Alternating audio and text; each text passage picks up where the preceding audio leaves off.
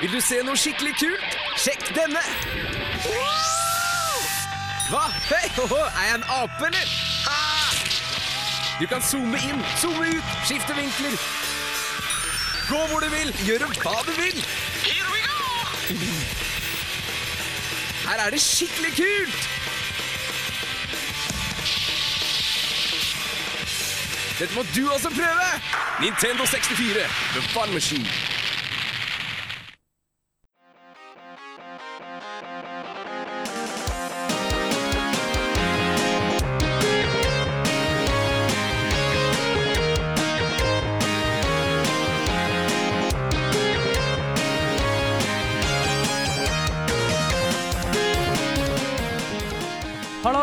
Og hjertelig velkommen til en ny spilleepisode. Mitt navn er Adrian Haugen, og i dag skal vi snakke om konsollen Nintendo 64, som er faktisk den første konsollen jeg kjøpte for egne penger. Og etter å ha lest all den hypen i spillblader og TV-reklamer som begynte å rulle rundt på kasse-TV, så var jeg endelig klar for å få tak i denne konsollen sjøl. Og jeg måtte jo skaffe noe penger for å kjøpe den nye konsollen, så noe måtte ofres. Og da sto valget mellom en PlayStation 1, som jeg hadde fått seks måneder tidligere i bursdagsgave, og det andre var min gode, gamle traver, Super Nintendoen. Det endte opp selvfølgelig med at den gamleste konsollen måtte vike. Og jeg husker fortsatt den dag i dag de som skulle kjøpe konsollen hos meg, hvor jeg måtte teste alle spillene, og heldigvis funka alle spillene. Men lite visste at 20 år senere så ble jeg angre stort på det her og betale enda mer for den konsollen og de spillene jeg hadde solgt. Dagen etterpå så hadde jeg jo fått litt cash i hendene og var klar til å dra på Free Record Shop på Jekta. Og dagen før så hadde jeg en liten diskusjon med min venn Eirik. Han nevnte det at alle hadde jo Mario 64, så hvis jeg var smart nå, så kjøpte jeg et annet spill, for jeg kunne jo bare låne Mario 64 hos eh, andre. Så valget mitt var Killer Instinct. Jeg må jo nevne det at jeg var jo aldri så veldig fan av de her slåssespillene, så etter ei uke så måtte jeg tilbake til PlayStation. Og da var det veldig lenge til jeg hadde min bursdag, men hell i uhell så fikk jeg tannregulering og Golden Eye to uker før bursdagen min, men det kan jeg komme tilbake litt, til litt senere. Og Håkon, min kompanjong og partner in crime, som du sier, hvordan var de historie? Du, min historie var um Min mor jobba på Torn. Torn eh, var Jeg vet ikke om du skal kalle de storforhandler innenfor Nintendo, men eh, de solgte masse Nintendo, de hadde masse spill der og alt sammen. Det var en uke, da. Så kommer jeg hjem, og så Der står den boksen da kobla til, med Bomberman 64 oppi. Jeg bare Hva er det? Det er en Nintendo 64. Den vant hun på jobb. Hm. Hva er en Nintendo 64, tenkte jeg. Hadde aldri hørt om ingenting. Det var nesten sånn Ja, den ene dagen så lå Super Nintendo der, og neste dag, nei, der lå Nintendo 64. Så eh, Ja, jo, og så var det Bomberman 64, og så var det ah, Fifa 98. Det var de to spillene som var der, ikke Mario 64. Ja, det er vel det som er mitt første møte med han. Og ja, du sa at du solgte din Super Nintendo. Det gjorde heldigvis ikke vi. Vi bare pakka den ned i en skuffe eller et eller annet, eller oppe på loftet. Så den, eh, den eier jeg fortsatt. Men eh, ja, det, det, er vel det. Det er godt å høre at du ikke gjorde samme tabben som meg, men eh, vi har jo alltid med en gjest i Eller stort sett med en gjest i spill. Det har vi. Vi må jo introdusere han. Det er jo han Jan Olav Hegvik fra eh, Retromessa, og kjent som Retromessa General. Velkommen til oss. Tusen takk. Takk skal du ha. Det var jo trist å høre at du gikk på en sånn smell med Super Nintendo-salg, da. Ja. men du er nok ikke aleine om det, altså. Det, jeg tror det er mange som deler den, og så høres det ut som Håkon har eh, mildt sagt hatt griseflaks. Ja, jeg, jeg ser det som det. det fordi at etter, etter at hun sitter og jobber på Torn, så var det jobb for, eh, for, å få tak i egne konsoller sjøl og, og, alt dette her. Så det ja. Eh, personlig så Jeg var aktiv på å klippe plener og måke snø for å få inn penger til disse tinga her sånn. Og jeg hadde ikke nådd helt eh, opp til å kjøpe den ved lansering. Men eh, eh, som mange andre innbiller jeg meg at eh, man kjente alltid noen som var veldig bortskjemt. Som fikk alt mulig. Mm. En som bodde i gata over meg, hadde jo da fått denne på lansering med alle lanseringsspillene. Han syntes dette var grisekjedelig, så jeg kjøpte den av han. Så jeg, jeg kjøpte Jeg tror den bare var én eller to uker gammel. Så fikk jeg den til en god pris. Ja, da var du jo skamheldig. Jeg husker at han første som fikk den konsollen på skolen, det var så hemmelighold at eh, han eneste kompisen torde ikke å si hvem han kjente som hadde, hadde den konsollen her. Så det var jo også litt sånn eh, morsomt når liten. Det var veldig mystisk og mye sånn eh, snakk om konsollen. Og det eneste jeg husker eh, med den TV-reklamen nevnte innledningsvis, det var en reklame om Super Mario, og så husker jeg han sa 'Se, han klatrer som en apekatt' på en reklame. Jo, stemmer det. Det med den guttene gutten som f løper rundt, og de har animert inn den gutten sammen med Mario, eller noe Ja, ja, det var noe sånt. Ja. Mm. Den fins på YouTube. Folk får ta og sjekke den ut. Mm. Eh, god, gammel 90-tallsreklame. Men hva har eh, konsollen betydd for dere opp gjennom årene? Åh, jeg kan vel begynne å si em, For det Ja, som alle vet, jeg er jo en spillesamler. Så det er jo mye av disse gamle konsollene som står meg hjertet nært. Den konsollen, det skal jeg bare si rett ut nå i starten, at den Nintendo-konsollen jeg misliker mest, det er Nintendo 64. Men den konsollen jeg har best minner til, det er også Nintendo 64. Uh, alle multiplayer-spill vi spilte. uh, ja, nei, jeg, jeg vet ikke. Det er, det var sånn, det er et hav med, med, med drøssevis av ting med den konsollen der, som bare Ja, det, det er gull, rett og slett. Altså, du har jo noen helt fantastiske multiplayer-spilleopplevelser her. I Mm. Golden Eye, som du nevnte, Adrian, altså, og seinere i Mario Party og Mario Kart 64. Altså, det er, det er så ufattelig mye bra der. Men altså, de kule kidsa hadde jeg et inntrykk av lente mot PlayStation. Og så var det Mm. liksom de som hadde Nintendo, de var litt mer barnslige, eller hva du skal si, da. Mm. Uh, og jeg skal, jeg skal fortelle en historie som kommer direkte fra direktøren for Nintendo i Norge, og hva han gjorde rundt lanseringa av Golden Eye. Uh, som uh, Altså, det er, det er spenstig move av en Nintendo-maskin. Eller fra noen i Nintendo-universet, da. Nei, altså, jeg har veldig gode minner til den maskinen, men altså, jeg, jeg føler den var litt sånn eksperimentell også. Ja, det var den. Ikke alt har holdt seg like bra. Altså, jeg har, jeg har satt meg ned for å spille Golden Eye eller Perfect Dark igjen og sånn nå, og det, det er Altså, det ødelegger minner, i hvert fall for min del, da. Mm. Det er ikke like klart som man husker det var. Nei, nei, det er ikke det.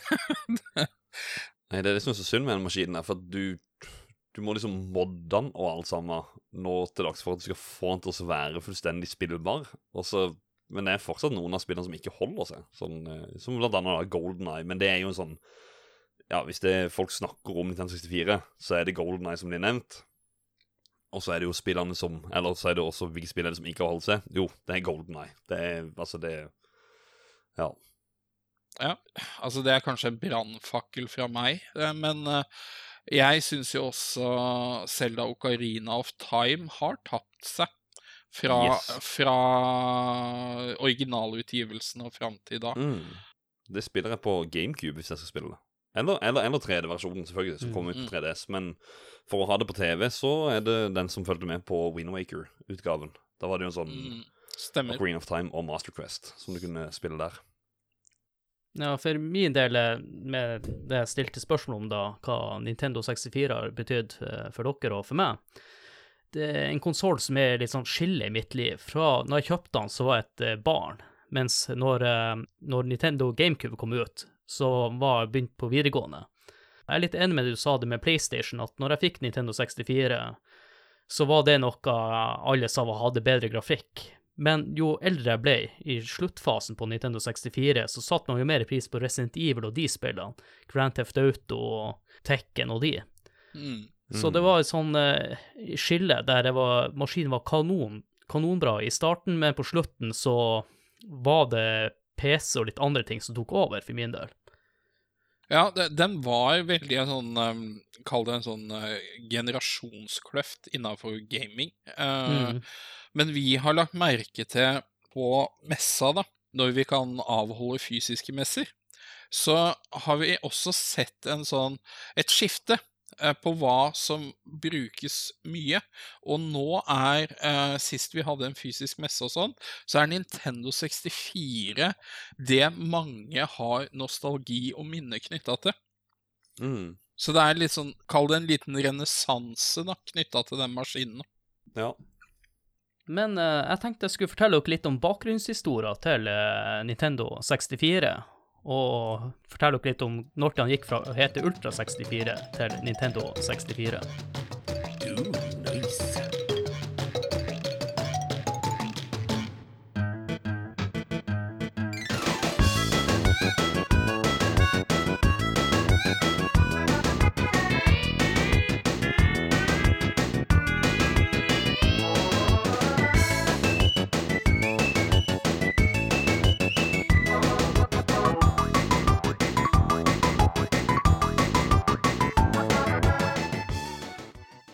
I dag så kjenner jo Nintendo som et selskap som ikke fokuserer så særlig på specs til sine nye konsoller.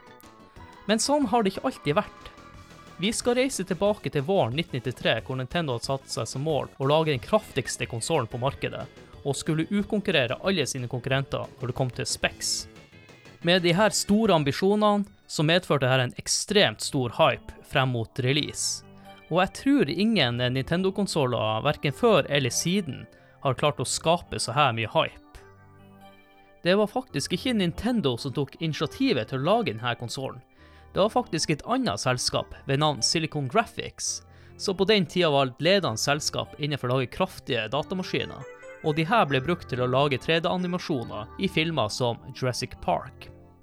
Silicon Graphics hadde akkurat utvikla en ny CPU som var mer energi- og kostnadseffektiv, og i tillegg var denne mye kraftigere enn de andre CPU-ene ute på markedet. Og så hadde det en eh, OK pris til 40 dollar per enhet, som gjorde at den ikke ble altfor dyr. Med denne nye CPU-en så ønska de å komme seg inn på hjemmekonsollmarkedet. Og derfor tok de naturligvis kontakt med Nintendo, for å høre om de var interessert i samarbeid om å utvikle en ny konsoll som skulle benytte deres teknologi og hardware. Med hjelp av deres komponenter ville de lage den kraftigste konsollen ute på markedet, og i tillegg ville den ha en konkurransedyktig pris. Så det her var jo naturlig nok eh, musikk i Nintendo sine ører. De tente med en gang på den ideen her, og dermed var samarbeidet et faktum. Det var en liten detalj Silicon Graphics ikke hadde fortalt til Nintendo. Det var at de eh, noen måneder tidligere hadde sendt samme forespørselen til Sega of America, og de var faktisk positive til dette samarbeidet. Men det var faktisk Sega i Japan som eh, trådte inn og takka nei. Høsten 1993 så offentliggjorde Nintendo og Silicon Graphics samarbeidet deres, og at de skulle jobbe med en neste generasjons konsoll, som hadde kodenavnet Project Reality. I samme slengen så opplyste de at konsollen skulle være tilgjengelig i salg i utgangen av 1995, og prisen skulle ligge på rundt 250 dollar. De annonserte også at i løpet av 1994 så skulle de produsere arkademaskiner, og de her skulle kjøre på samme hardwaren som konsollen. Men de hadde ikke gått ut med noe offentliggjøring av navn på konsollen ennå. Publikum måtte nesten vente ett år før de fikk vite navnet på nye konsollen. Den 23. juni 1994 så offentliggjorde Nintendo at navnet på deres nye konsoll skulle være Ultra 64. Og Ultra-navnet, det tror jeg nok stammer fra 60-tallet, når Nintendo produserte noe leketøy under navnet Ultra. På dette tidspunktet så begynte jo konkurrentene Sega med sin Saturn og Sony med sin PlayStation å gi ut mye informasjon om de her konsollene, og at eh, releasen var rett rundt hjørnet. Man kan ikke akkurat si det samme om Nintendo sin konsoll, som var langt ifra å være ferdig på dette tidspunktet. Derfor ble deres strategi å vise spilldemoer som skulle vise den banebrytende grafikken til publikum om hva de hadde i vente. De her spilldemoene ble ofte kjørt i 1024 ganger 768, noe som var veldig imponerende på den tida. Og det er jo egentlig ikke så rart, siden det her ble kjørt på Eske sine 3D Onyx-maskiner, som kosta i lag rundt 100 000 dollar. Noen måneder etter offentliggjøringa av Ultra 64-navnet, så viste de frem en prototype av designet for første gang. Men det som fanga oppmerksomheten mest til publikum, var ikke konsollen. Det var spillformatet Nintendo hadde valgt, som var cartridge-basert, fremfor CD-formatet som konkurrentene hadde valgt og ansett som et nyere løsning. Grunnen for dette valget var at Nintendo prioriterte raskere lastetider som cartridge kunne tilby, fremfor større lagringsplass som CD-formatet hadde. Når det kommer til lagringsplass, så har jo CD-en en kapasitet på 700 megabyte, hvor en eh, Nintendo 64-kassett har en maks kapasitet på 64 megabyte. Det som også påvirka dette valget, var at Nintendo innså at prisen på konsollen ville øke kraftig hvis de skulle gått for CD-formatet, og dermed ville de prise seg ut i forhold til konkurrentene sine konsoller. Konsekvensen av dette valget var ikke bare redusert lagringsplass. Det medførte også at tredjepartsutviklere som Capcom og Square valgte heller å lage spillene sine etter PlayStation sin hardware. Og hovedgrunnen til dette var ikke bare CD-formatet sin større lagringskapasitet. Det var også at det var mye billigere å produsere de her CD-platene. Og i tillegg så begynte de å bli ganske lei av Nintendo sine sensurregler. Det har også gått noen rykter om at Nintendo valgte cartridge-systemet for å ha kontroll på lisensieringa. Noe som overhodet ikke stemmer ifølge et intervju med han tidligere styremedlem i Nintendo, Howard Lincoln.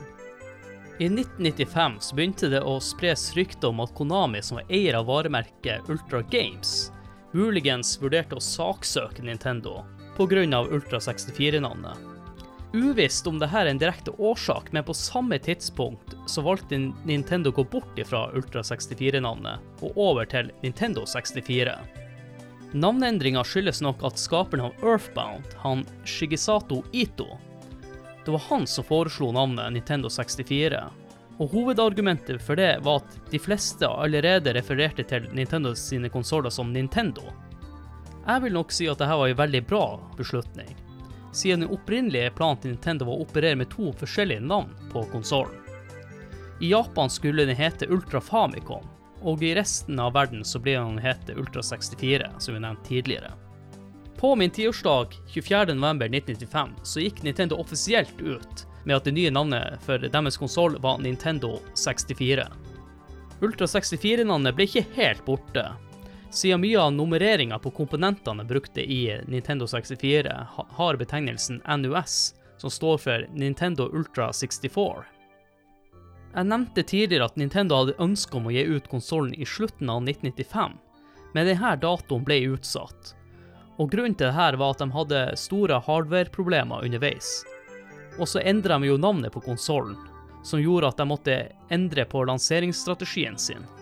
Lanseringa ble utsatt med et halvt år, så den 23. juni 1996 blir Nintendo 64 sluppet ut i Japan, og det med kun tre spill som kunne kjøpes på releasedatoen. Dette var Mario 64, Pilot Wing 64, hvor også begge forgjengerne var lanseringsspill til eh, Super Nintendoen. Men det, var, det siste spillet er litt spesielt, for det heter Psycho Hubo Shogi, som kun blir utgitt i Japan. Og et eh, merkelig spill. Det var noe sånn brettspillgreier. I Nord-Amerika ble konsollen gitt ut tre måneder etter den japanske releasen. Og her i Europa måtte vi vente helt til 1. mars 1997 før vi kunne få tak i denne konsollen. Nintendo 64 hadde faktisk et syv år langt liv, og det ble solgt rundt 33 millioner konsoller. Det siste spillet som ble sluppet ut på konsollen, var Tony Hawk Pro Skate 3, som ble utgitt 20. august i 2002. Og den 30. november i 2003 så stoppa produksjonen av konsollen. Nå har jeg prata ganske lenge, og håper dere fikk med dere det meste av det jeg sa. Og så er det noe jeg har glemt å si, eller er det noe dere har lyst til å tilføye? Var en god del.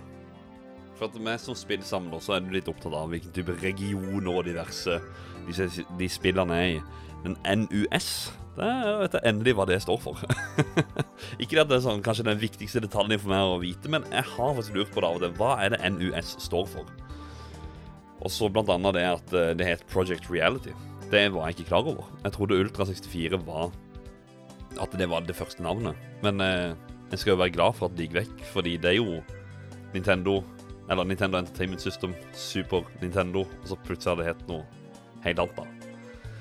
Jeg, jeg syns det er litt morsomt, for eh, jeg har sett eh, dokumentasjon som ble sendt ut fra Unsaco til forhandlere i Norge. Mm. Eh, og Unsaco hadde jo agenturet under Bergsala i Sverige for, for Nintendo. Og der, de første tinga de sendte ut, det, og skrevet på norsk, det var jo presentasjonen av Ultra 64. Og det- er ganske morsomt å lese, så det var ganske seint denne endringa kom. Og det var sikkert også derfor mest sannsynlig at den eh, lanseringen ble utsatt. Når jeg gjorde research, så sto det litt om hardware-problemer, men jeg tror også den lanseringsplanen med at du skifter navn så sent, har mye å si. Mm. Ja, For jeg tror du har mye materiale klart til en lansering som du da ikke kan bruke. Eh, så det gir jo bare mening at eh, ting blir utsatt. For jeg husker når jeg leste Nintendo Power og sånn, så sto det jo mye om Ultra 64. Og Ja. eh, Killer Instinct, som jeg nevnte, det spillet var jo først tenkt til Ultra 64, men kom ut til Super Nintendo. Og i, i ettertid så lagde de også de Killer Instinct til Arkade, som ble porta som det spillet jeg har. Ja. Så de reklamerte jo for at The Killer Instinct på Arkade hadde samme grafikken som, som skulle komme til eh, Nintendo 64, men det er det jo ikke. Ja, Det, de, gjorde, de gjorde jo det med, med Street Fighter 2 og til Super Nintendo, faktisk. Der var det også sånn sammenligning. Ja, se, nå får du Arkaden rett hjem i stua! Woohoo! Men jeg husker mine første møter med Nintendo 64-spill var jo Killer Instinct og Cruise in USA på Arkade på den lokale videosjappa.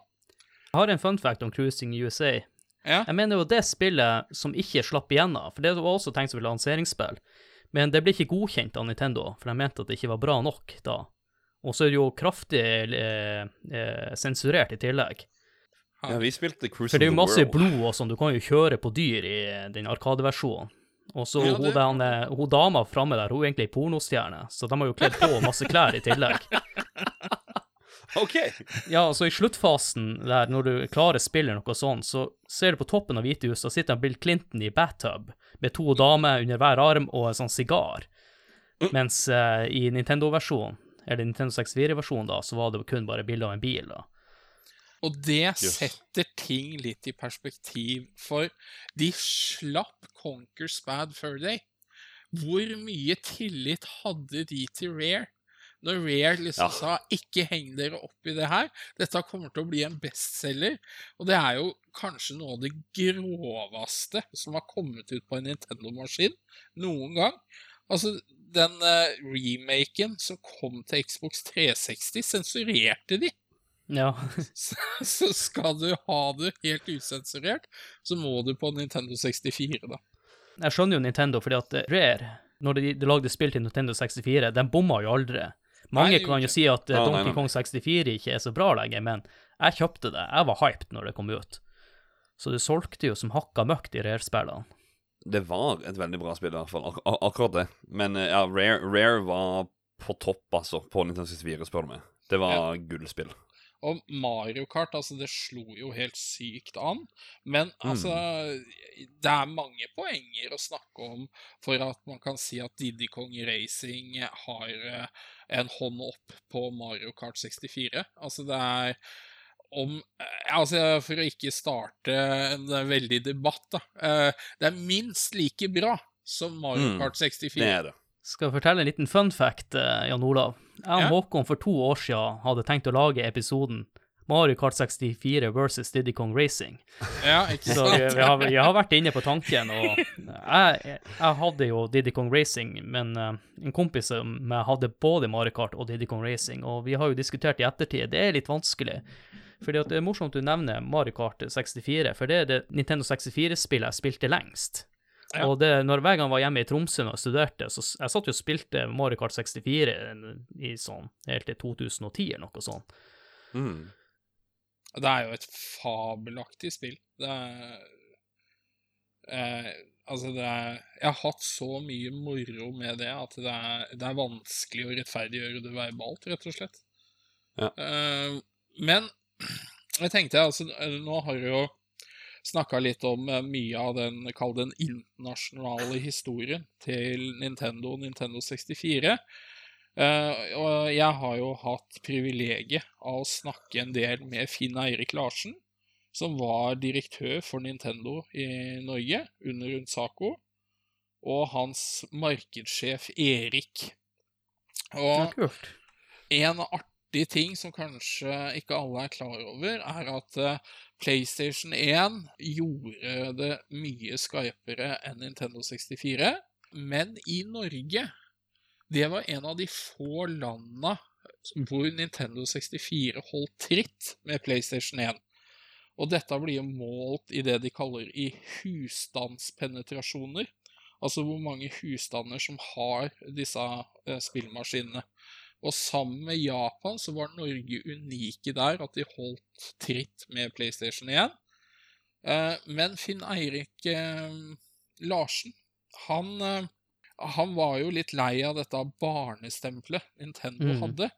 Eh, så når Golden Eye skulle lanseres, så eh, fikk han den briljante ideen at han ville reklamere for dette i Playboy, altså norske Playboy. Og han gjennomførte det her, og tenkte at det er bedre å be om tilgivelse enn tillatelse. Eh, og eh, Golden Eye blei en megasuksess i Norge, og også andre steder i verden. Men dette resulterte jo i at Nintendo i USA reagerte. Hva skjer her? Hva har du gjort?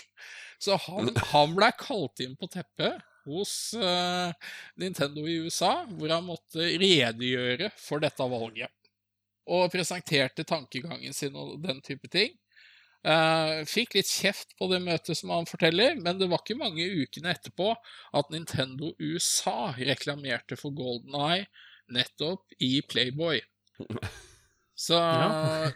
noe, noen gode ting kommer fra Norge, altså. Det gjør det. Eh, en direktør som uh, tenker at eh, ja, ja, vi prøver. Og han traff. Ja.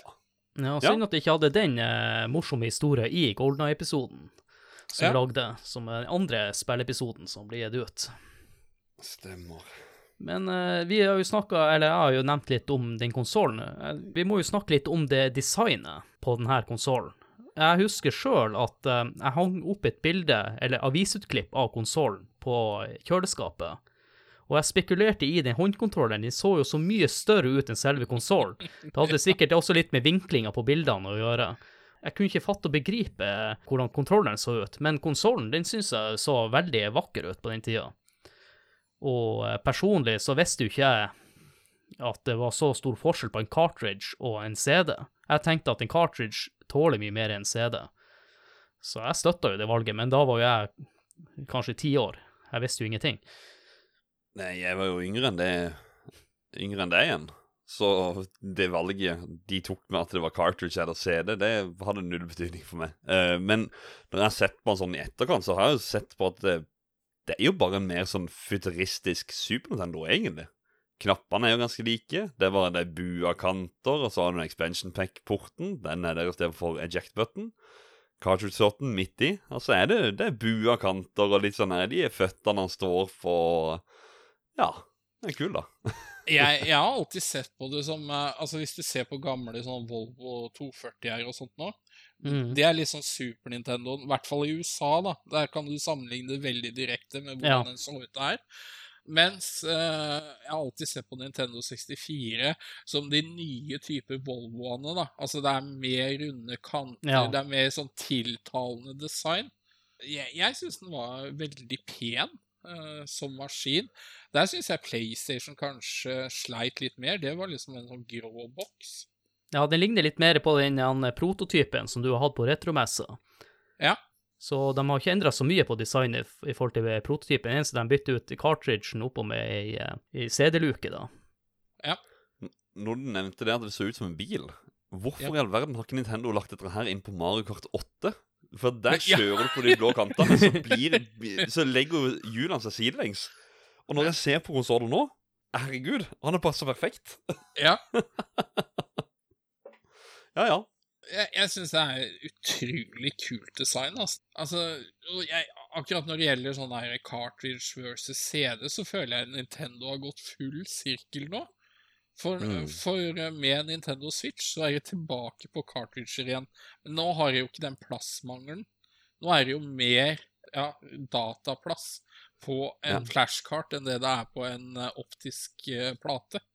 Jeg vet ikke om vi skal skryte på Nintendo at de var framoversynte, men det Kanskje for eia del, men en ting jeg glemte å nevne i den innledninga om bakgrunnshistoria til Nintendo 64, er jo at eh, de annonserte jo også DD64 i 1995. stemmer. Og det tror jeg indikerer på at de allerede da angra litt på det formatet de hadde gått for. Altså, de mista jo store titler som Final Fantasy 7. Ja, og det, det hjalp jo på PlayStation-salget. Det kan jeg også bare si, som Final Fantasy 7-fan, er jeg er veldig, veldig glad for at det havner på PlayStation, og ikke på 64-en. For det fins jo en, en tech-demo av et uh, Final Fantasy-spill faktisk inne på YouTube, som man kan gå og se på. Så råder folk å sjekke det ut, så kan du se hvor fælt det hadde vært. Når du er inne på tech-demo, så har jo Jeg har jo nevnt i Ocarina of Time-episoden, men der blir jo også en sånn Selda-tech-demo vist. ja, stemmer det. Da var ikke Link sånn som han så ut til å være. Eller sånn som han ble. ut som han eh, gjorde på den gode, gamle tegnefilmen. Ja. Første, første spillet. Men jeg var jo inne på håndkontrolleren. eh, Som sagt, eh, for meg så så den jo gigantisk ut når jeg så på bilder. Men hva dere tenkte om denne kontrolleren? Håkon, du var jo ganske liten da, men han Jon Olav han eh, var jo midt i tenårene. Det er sikkert derfor jeg anno- eh, sammenligner selve designet med biler og sånn. For da, da hadde jeg jo begynt med å interessere meg for det og jenter, så jeg var jo opptatt av estetiske former. Men altså, kontrolleren, den syns jeg så klumsete ut. Og jeg syns du har bomma litt når du må bruke tid på å fortelle konsumentene av produktet ditt hvordan de skal holde en kontroller. Da, da føler jeg at du har bomma litt. Altså når du må bruke markedstid og kostnader på det. Ja. For, Mm. eh, for altså, jeg, jeg kjenner jo eh, de som holdt den feil, altså holdt som en vanlig kontroll, istedenfor å holde venstrearmen i midten og ha den uh, joysticken, så var det jo noen som holdt den med D-paden over på andre sida. Ja. Og, og jeg, kan jo, jeg kan jo forstå det. Uh, men altså, den føltes jo Altså, den var god å spille med når du holdt den på en måte riktig, men jeg føler Ja, som sagt, designet bomma litt. Eh, Jeg har jo lest litt om den kontrolleren, og jeg er litt usikker på om det stemmer, men den kontrolleren ble designa litt etter mens den kjørte spilltesting på Mario 64. Så de forma kontrolleren etter det spillet, og så tenkte de i ettertid at da alle andre får bare innrette seg etter den kontrolleren, og prøve å få den til å funke. Og det, det føler jeg på en måte gir mening, for den er jo bortimot perfekt til det.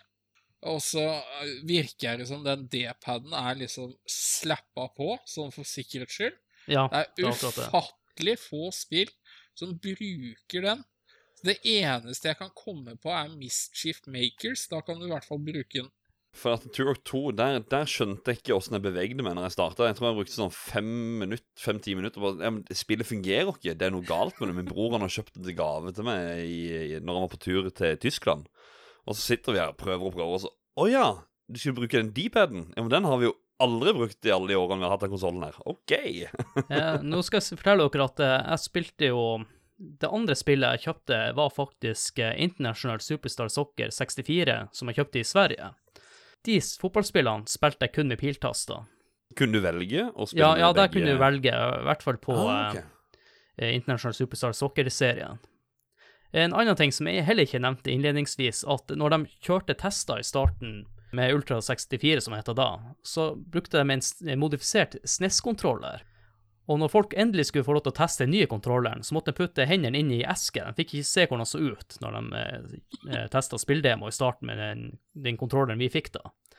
Eh, Jeg har også eh, bilde som jeg eh, faktisk glemt å dele til dere. Eh, forskjellen på en eh, Nintendo 64-kontroll og en Ultra 64-kontroll. Den største forskjellen er jo at hele Ultra 64-kontrolleren er helt svart. Startknappen er sort, A- og B-knappen er sølvfarga, og de andre, de som er gule knapper, er svart. Og i tillegg, det som kanskje skiller aller mest, er den joysticka. Der eh, den er litt mer innarbeidet, sånn som vi kjenner nå i dag til PlayStation 4 og PlayStation 5. Det hele er motsatt vei. Men det var ikke noe gummel, noe sånt, så den var ganske glatt. Og så der oppe der står Nintendo på den originale kontrolleren, så var, var det lagd et sånn eh, Jeg vet ikke om man skulle sette inn et sånt skilt der det sto Ultra 64, for de som husker reklamene. Så eh, jeg tror kanskje Ultra 64-design kunne appellert til litt eldre eh, spillere på den tida, bare sånn eh, Mm. utseendemessig konsollen. Ja, det, altså det høres jo mer slick ut, rett og slett. Ja, denne kontrolleren Altså, jeg tenker på De gjorde jo én briljant ting. Bare for når de slapp Mario Party, så var jo en del av disse minigamesa Så skulle de jo rotere denne joysticken til du fikk brannsår i håndflatene dine. Men det her må jo ha ført til enormt mersalg av kontrollere. Og jeg husker at vi foretrakk å bruke noen sånn tredjepartskontrollere fra Logitech, tror jeg det var, for der var den joysticken eh, mye mer solid, da, og så fikk du Vi hadde Competition Pro-kontrolleren. Ja. Ja, det, det, det er en kamerat i vennegjengen. Han har den enda. Mm. Ja, den stikker, den, den, den er som ny. Den, den, den har holdt seg i alle år. Og det, de, jeg vet jo at de endra på det etter hvert også, som de kom ut med de forskjellige versjonene av konsollen. De gjennomsiktige. Ja. Da endra de på stikkene der, for det er oppdaga i nyere tid at de, de er mer solide. Så ja, for meg som samler, så er jeg på jakt etter å få tak i fire gjennomsiktige kontrollere, for det, det er solide stikker. De går aldri i stykker. Så han kan kose seg så mye det bare vil med det første Mario Party. -hmm. Og Fantastic, den heter denne serien med de fargene. ja. Når dere snakker om de håndkontrollerne, så tenker jeg, Håkon, du kan jo ta oss igjennom forskjellige add-ons til konsollen. All right, da har jeg lista klar her. Jeg har henta meg en kopp med te først, da, for jeg vet ikke om dere har hørt det i, i episoden, men jeg er litt forkjøla. Også i går så tok jeg jo dose nummer to med den der covid-19-vaksinen, så det er så god miks i kroppen min i dag. Men, men jeg har med meg en hel liste med masse add-ons. Og kan bare begynne med toppen, da. Der har vi liksom de som er eh, ja, vanlige, som alle sammen kjenner til. Da Da hadde du jo controller-packen, som var eh, Det var en memory card til, eh, til maskinen som du la under kontrolleren. Ikke bort på maskinen, sånn som PlayStation gjorde. Og Xbox, tror jeg, gjorde de også det på et tidspunkt. Sega Saturn gjorde vel det.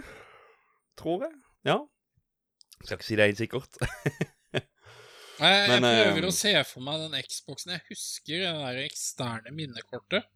Men, men eh, ja, altså, det var vel uh, Dreamcasten hadde jo det kuleste. Ja. ja. Mm.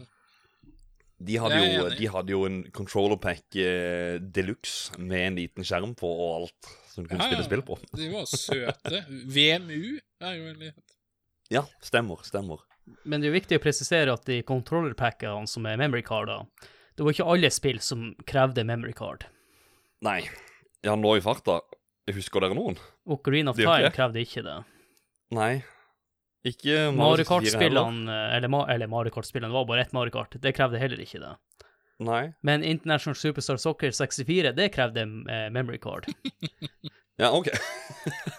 det var det mest populære spillet. Yes. Jeg tror faktisk det eh, var flere tredjepartsspill som krevde memory card enn Nintendo sine egne spill, nå tenker jeg meg om. Du, Turok 2, når jeg nevnte det i stad Det Jo, stemmer det. De eh, Det det kunne man bruke der. Eller det måtte man bruke der hvis det man skulle lagre. Men det er jo vel et tredjepartsutviklerspill. Ja, det er ikke Nintendo. Nei, det er Acclaim, Acclaim, som har ja. lagd. Og så Ja. Ser han på boksen rett på sida av hodet mitt her. Men det fantes jo mange forskjellige typer av de eh, memory cardene, og de memory cardene jeg kjøpte Jeg tror aldri jeg kjøpte Nintendo sin egen. Jeg kjøpte eh, ofte sånn der eh, tredjeparts eh, memory card. Og de hadde Ja, som jeg- regel også mye større lagringskapasitet enn det vanlige Nintendo sin memory card. Ja, det var et som, det var et som passa perfekt inn i kontrolleren. Det var Nintendo sitt offisielle. Men så hadde du et som var så ekstra langt et, husker jeg. Eh, jeg vet ikke Det sto bare 'memory card' så stort, så var det dobbelt så langt eller noe som det vanlige. Men eh, det er jo fortsatt mer add-ons å prate om. Skal vi se Rumble-packen. Den eh, fikk jo kontrolleren til å riste. Og Det var jo en ganske unik ting.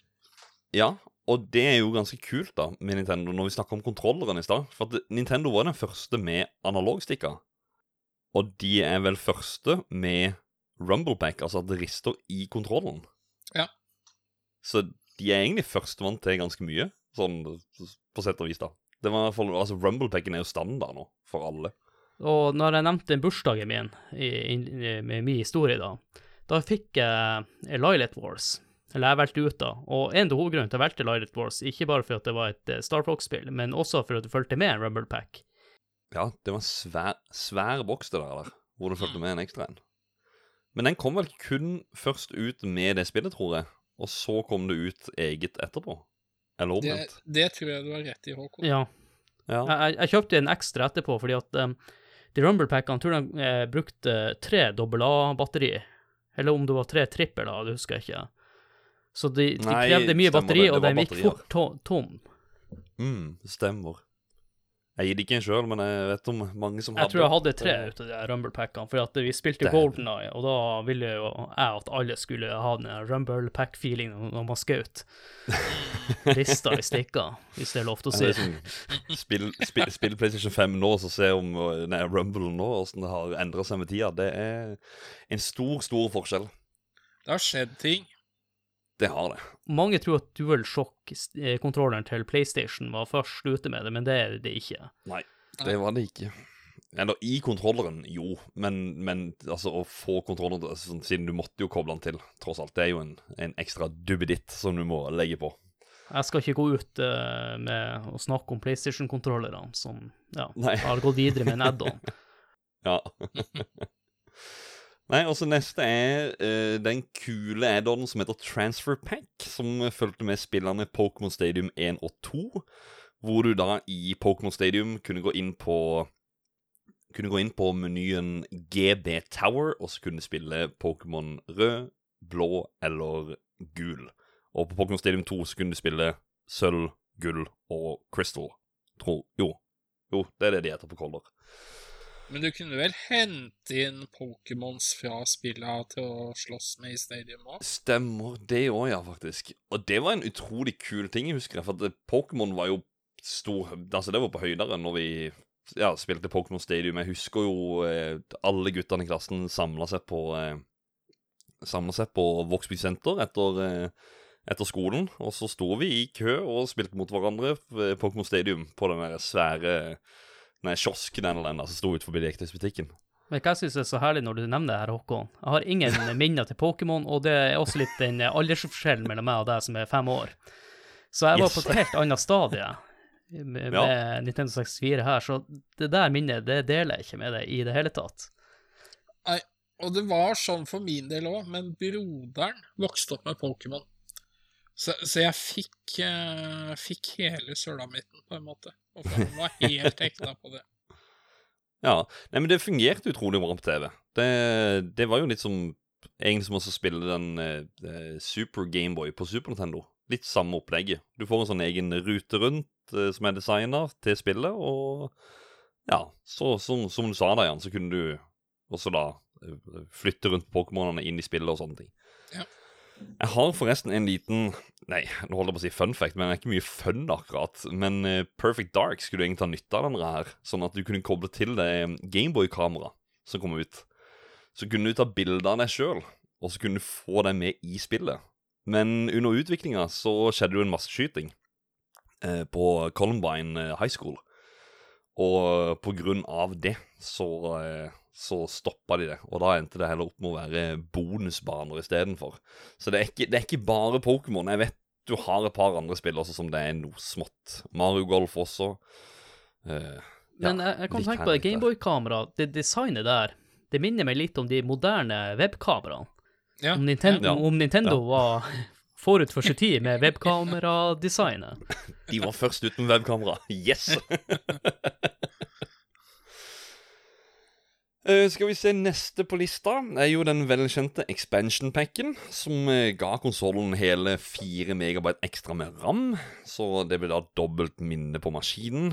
Og en eh, liten fun fact der er jo at folk tenkte at det er en jump jumper pack, er det ikke den heter, Ja. som ligger oppe der fra før. Ja.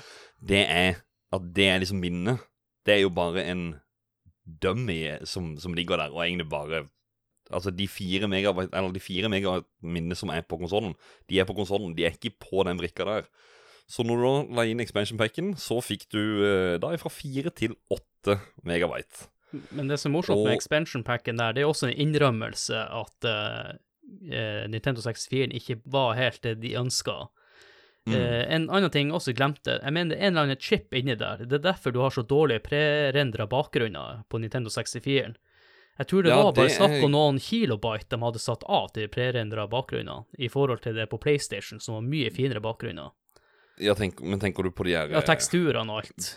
I Ja, bakgrunnen på blur Green of. Time. Ja, på, ja. Ja, på det. Det- Green of Time og alle de der. De ser jo forferdelig forferdelig dårlig ut i bakgrunnene. Og det var jo veldig. noen spill som krevde den expansion pa- eh, packen. Ja. var tre Majora's, stykk. Ma Majora's Mask, uh, Donkey Kong 64, Mm. og så er det vel Perfect Dark. Yes. Nei! Ja, altså du kan, Ikke helt. du kan Ikke spille helt. Er Perfect Dark multiplayer uten. Eh, Ja, det, ja, det er Dinosaur Planet er det, trettende, det tredje spillet. Jeg vet ikke om det kom ut her i Europa. Dinosaur Planet fra Rare ble jo aldri sluppet. Gjorde det ikke det? ble- nei, det kom aldri ut. Det er er ja. derfor du har eh, eh, han, eh, Star Fox-spillet til, eller hva det heter for noe, til GameCube. Ja, stemmer, stemmer. Ja, nei, for Det var i hvert fall et spill som skulle kreve da, den eh, expansion packen. da. Mm. Også, men som du sa, Perfect Dark, det stemmer, men det er kun for å spille story mode. Ja. ja. Men vet dere egentlig om den fulgte med der? På Kan jeg ikke det- huske, men jeg vet at du fulgte med på Majora's Mask og Donkey Kong. Skal jeg fortelle noe morsomt? Jeg kjøpte denne expansion packen utenom, som løs gjenstand, for jeg tenkte yes, nå blir den super, nei, Nintendo 64 mye bedre. Nå blir det Super Nintendo 64. Ja, og en annen morsom ting med den expansion packen, den gjør noen spill faktisk litt dårligere, gir litt bedre grafikk, men elendig framerate. Han gjør at han krever mye mer, Ja, så rett og slett. det er ikke bra på alle spill, rett og slett. Turok 2, som du nevnte i stad, det mener jeg blei ganske mye bedre med den eh, expansion packen. Ja, det er De har forskjellige ting. Du, du, du, du kan finne en liste over det. Jeg skal si at jeg henter bare litt fra en liste, bare for oss, så vi kan ta en sånn eh, og høre litt hva, hva de forskjellige tingene var.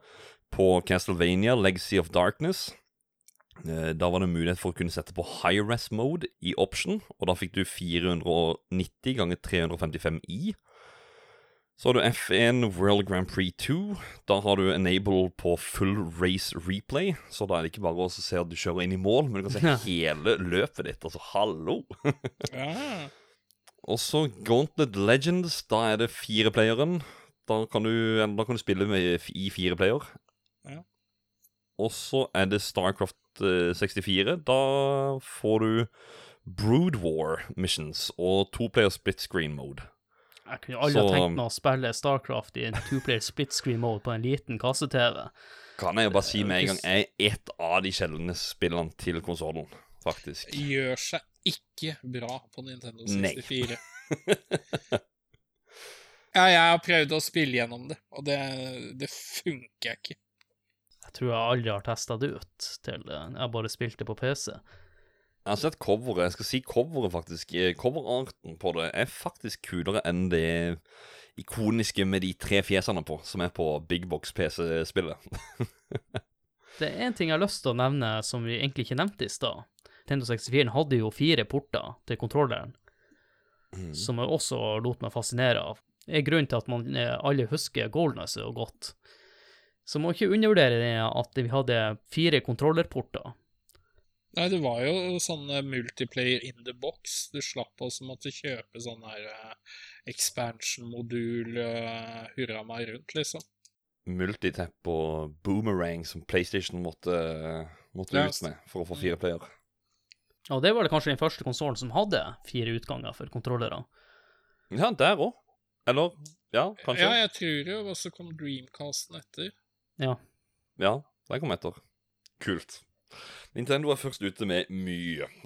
Ja, de er, de er som sagt de er veldig sånn innovative. Vi, man, man kan si mye rart om Nintendo, men vi skal være veldig glad for at de eksisterer enda, bare fordi de er villige til å eksperimentere og prøve. Med papp og alt sånt. Ja. jeg, jeg føler Nintendo Labo, det var jeg, jeg er spent på hvordan det har gått. Eh, Ja. Men Nei, de, selger, de selger aldri ting med tap, Nintendo, sånn at eh, de tjente nok cash på det. Det tror jeg. Jeg kjøpte mine tre sett for ti kroner stykket på en eller annen butikk som skulle bare ha det ut. Så da kjøpte jeg tre stykk bare for å ha de. Bare sånn, For å se om jeg skal åpne en gang sammen med ungene for å bygge. Men det får vi se. Men så um, Neste her som jeg har, det er Nintendo 64 DD, som du da nevnte litt eh, tidligere. Adrian. Den eh, lille jeg, jeg trodde alltid det var disk drive, men funnet ut i nyere tid at det er dynamic drive. Som eh, skulle være en expansion eh, eh, som du la under konsollen. For hvis det er folk snur konsollen sin, og så ser de en sånn luke, så står det jo en sånn expansion port, eller hva det er. Jo, jo, det står en expansion port. Og jeg har alltid lurt på både den og Super Nintendo. De har alltid hatt det, men vi har aldri fått noe her i Europa som du liksom skal bruke denne her til. Som jeg kan huske, i hvert fall. Men det var jo i planene.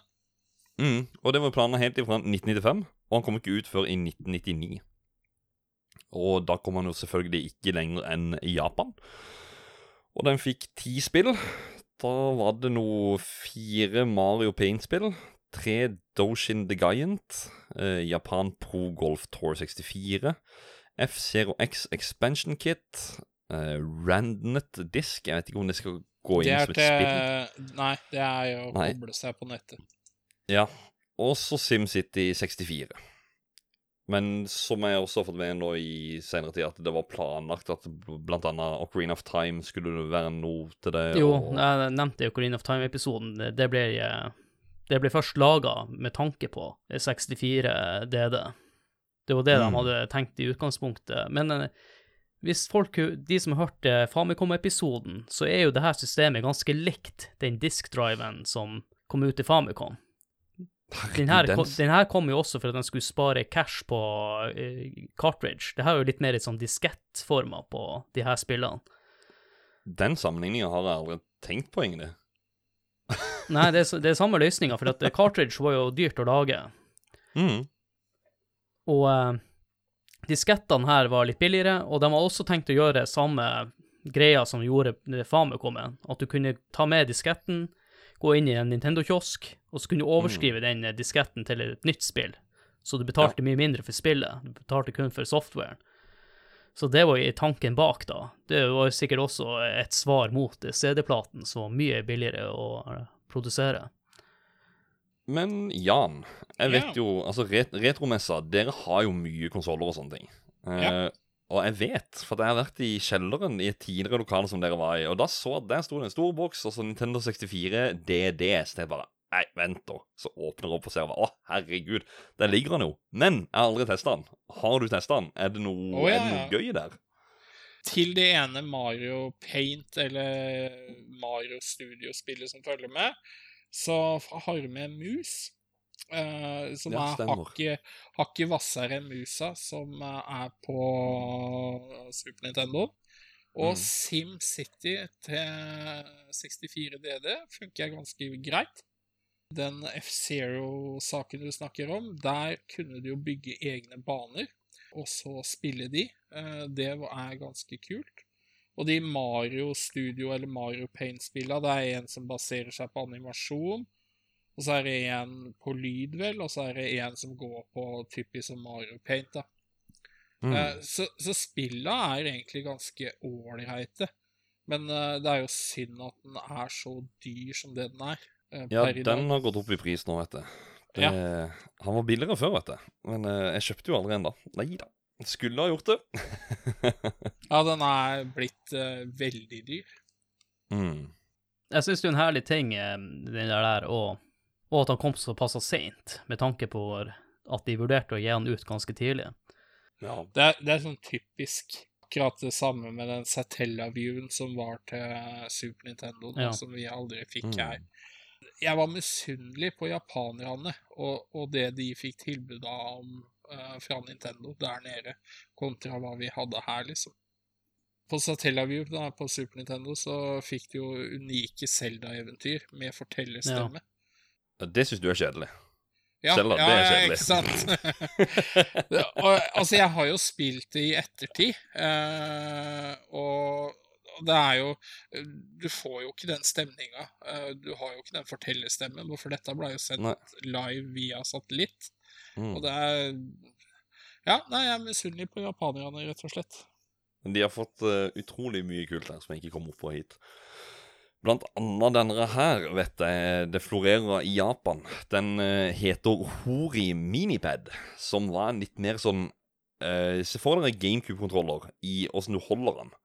Eh, se vekk fra button layout, åssen den er, eh, men det er mer solid stikke. Det er vel samme opplegget som GameCube, tror jeg. Det føles ut som mye mer sånn vanlig håndkontroller da, enn en den 64-kontrolleren som er. Den er ganske ettertrakta her oppe, den. Ja, den må du ut med en tusenlapp, i hvert fall, for å få tak i. Og jeg var sist inne og sjekka på eBay, og da lå de på 1300 oppover fra Japan med fri frakt, så det er løp og kjøp. det er jo men Det fins et fint alternativ da, fra Retrobit. De har kommet ut med noe sånt Tribute 64. Og den finner du til jeg tror det er 400-500 kroner, og da er den trådløs i tillegg. Og så er det til både 64 og USB. Så det anbefales sterkt altså å sjekke det ut. Tribute 64. For å si det sånn, en stor svakhet i de her eh, vanlige Nintendo 64-kontrollerne er jo den joysticka, Mm. som uh, Jeg husker jeg brukte å si at han mela mye, for det kom sånn hvitt pulver. Mm. Og til slutt så datt bare den kontrolleren eh, litt til sida. Og når jeg snakker om den kontrolleren, så har jeg, jeg har fortalt han Håkon historier før. Det var når eh, det han eh, Star Wars-spillet, med det han Podracer-spillet, Ja. så var jeg inne på Obsen der og testa det. Og den kontrolleren var jo helt uh, ubrukelig. Og så kom en liten skitunge og sa til meg Du, det er ikke kontrolleren som dårlig, det er spilleren. Og da sa jeg, husker jeg sa til han, hold kjeft. Fy faen, det var dårlig, det. Opplevde ikke dere også det at de Tendo eh, Nintendo 64-kioskene hadde elendige kontrollere, for de var så utbrukt? De var elendige. Og det er jo en del av forberedelsene til messa, er jo å bytte thumbsticks på disse. Det er, det er jo en grunn til det. det er, Ja, ja, ja. Neste på lista, det er også en liten sånn Nå kommer det sånn obskure ting, da. Den ene som heter Biosensor. Vi er fortsatt på eh, kontrollduppeditter. En eh, pulsmåler som du fester på øret, og så kommer du til eh, kontrollerporten, som er på baksida av kontrolleren. Der var det kun ett spill som var, eller, som var, var kompatibelt med. Det var T364, og da kunne du spille i modusen biomode. Hvor da brikkens hastighet vil variere ut ifra spillerens puls. Så det Ja, det det er også en ting å selge. er helt utrolig, altså. Og så har du Suricon 64, som er en fiskestang til eh, Nintendo 64. Som var produsert av Aski Corporation, som jeg vet har lagd noen veldig solide NES-kontrollere, faktisk. Jeg kan sterkt anbefale det. Det er da tre spill som det, det var kompatibelt med. Selvfølgelig da fiskespill. Men det er selvfølgelig en eh, proff eh, Super Smash-spiller, eller altså Smash Bros 64, som heter Las Wookie. Som jeg har sett på YouTube at det har faktisk vunnet en kamp i turnering med fiskestangen til 64.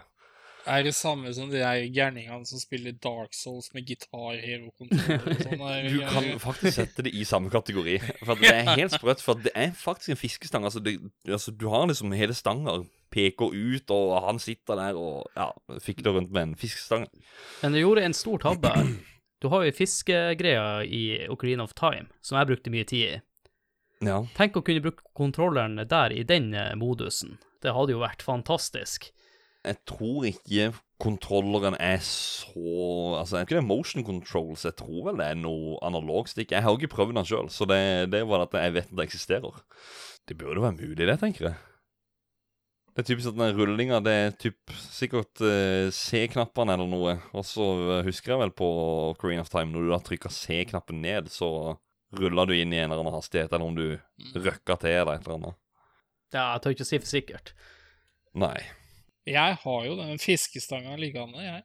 Ja, det er mulig til at du har den på utstilling til neste messe, da? Ja, uh, altså nå fikk jeg jo lyst til å teste åssen det fu- funker med fiskinga i Ocarina of Time. Jeg ble litt nysgjerrig nå.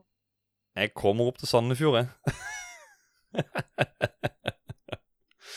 Og så er det neste obskure kontroller. Eh, denne her har jo dere to hørt om garantert og spilt mye med når dere var små. Det er Densha Gå-kontrolleren, Som da er et eh, kontrollbord med to spaker.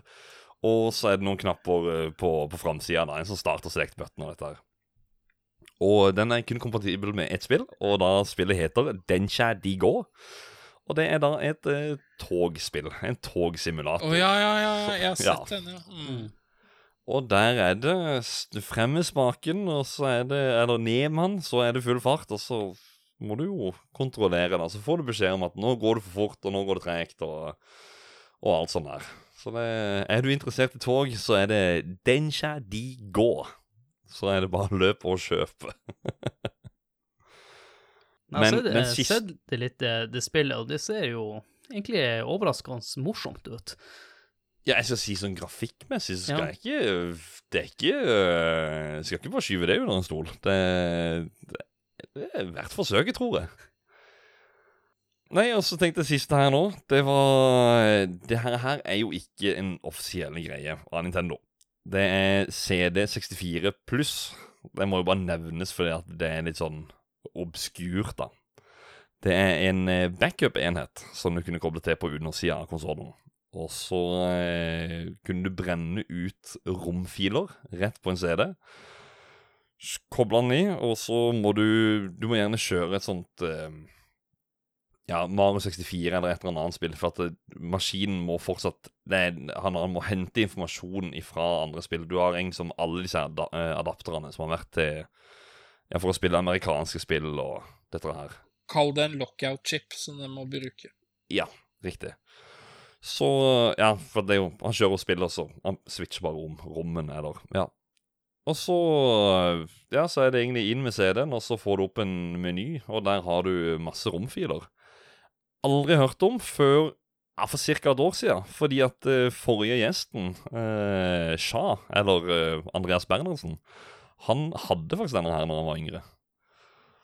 Og han har vært tålelig forbanna for at den ble solgt eller kasta, og den eh, Den har verdi. den er dyr. Den er dyr. det var i grunnen det jeg hadde. Det er jo egentlig mye mer å ta av, så um, Men i hvert fall et godt knippe, tenkte jeg, med diverse spill. Nei, diverse add-ons. Ja, eh, jeg tenkte jeg skulle nevne det fantes en annen versjon av den eh, CD-drive-greia du snakka om, som mm. jeg hadde, fy-fy. Eh, Den brukte zip-drive-disker på 100 megabyte, som du eh, smalt inn. Så jeg tror den het Zip Doctor 64 eller noe sånt. Og såpass, ja. ja for jeg, vet, jeg vet at det fins en Doktor V64 eller noe, og, men den ble brukt til utvikling av, av spillene. da. Ja. Blant annet til ja, tidligere nevnt Turwalk, faktisk, som de, som de brukte der. Eh, hvordan, det vet jeg ikke, men Jeg skal Ja. ikke skryte på meg at jeg brukte den til å utvikle spill, altså. Det skal Nei. jeg ikke gjøre.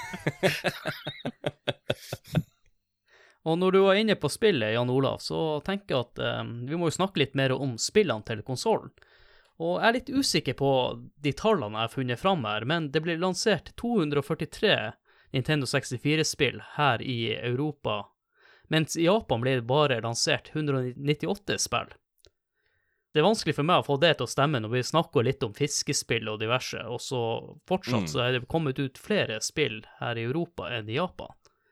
Det er så mye obskure titler så jeg, som, som jeg kaller sånn Japan only. Det er Men det er ikke umulig bare for, Altså, maskinen har et lite spillbibliotek. Ja. Ja. Men det er jo noen vanvittig gode titler. Men eh, altså, jeg ser for meg mye av det som kanskje ikke var det beste, aldri ble lansert i Japan, men kom ut uh, her og i USA. Det kan jeg fint se for meg. Så det, det er ikke Spesielt umulig, det- vestlige titler tror jeg Ja. kanskje ikke kom over dit i det hele tatt. Men eh, vi må jo trekke frem noen eh, favoritter. Og vi kan jo begynne med deg, Jan Olav.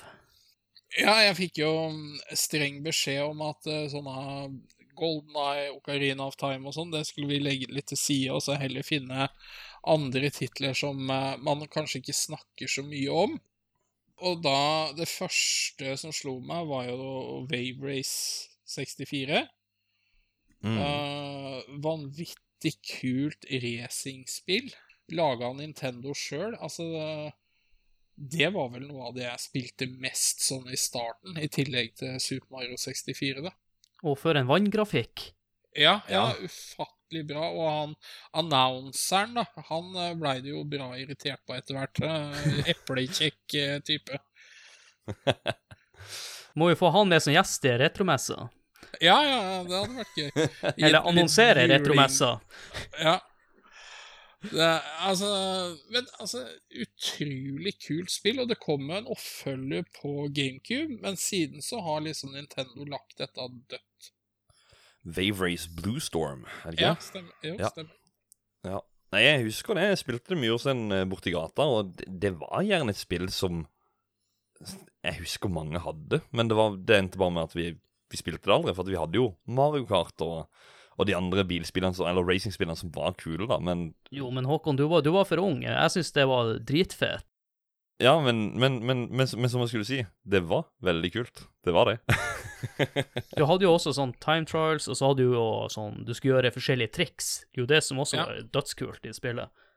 Og, og grafikken, eh, musikk Altså, det var ufattelig bra. Og til å være sånn tittel som på en måte ikke bygde på noe fra før av, da, syns jeg det var utrolig kult.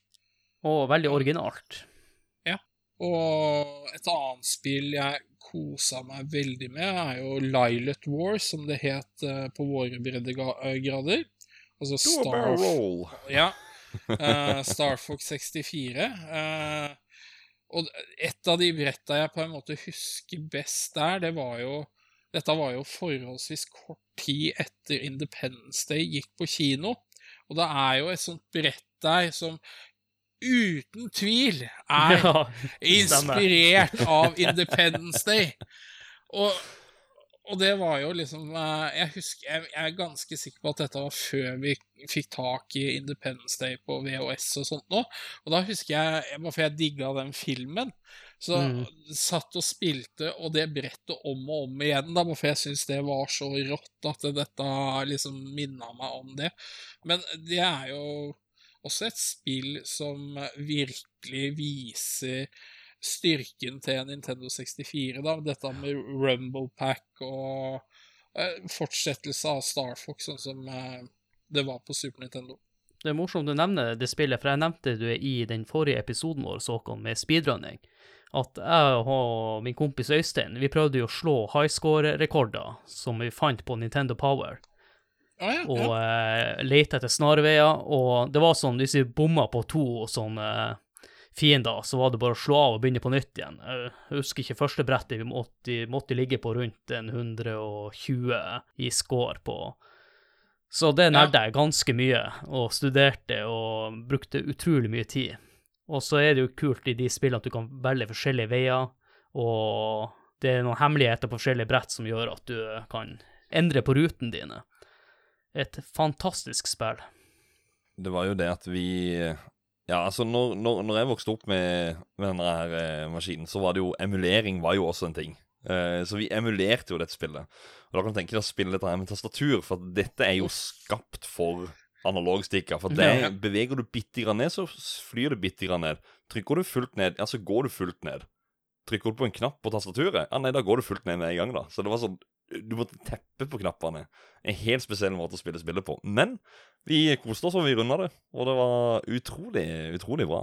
En siste ting jeg å nevne om det spillet, er at eh, en veldig viktig ting jeg tok med som ikke var med i Super Nintendo-versjonen, det er siktet du har foran. Det gjør spillet ti ganger bedre.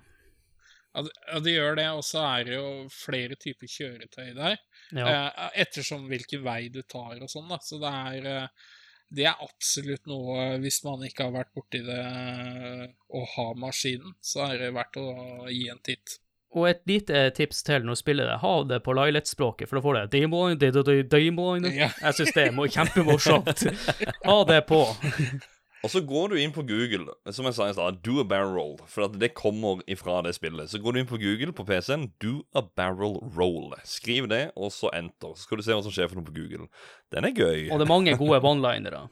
Sånn som Ja. Long time no see, og Ja. hva er mange ut av det enda?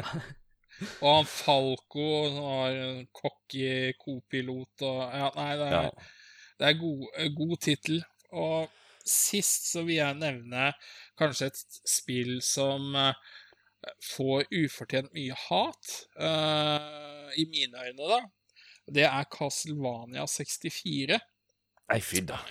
Og, altså, dette var jo storsatsinga fra Konami Mm. eh, på, på Castlevania.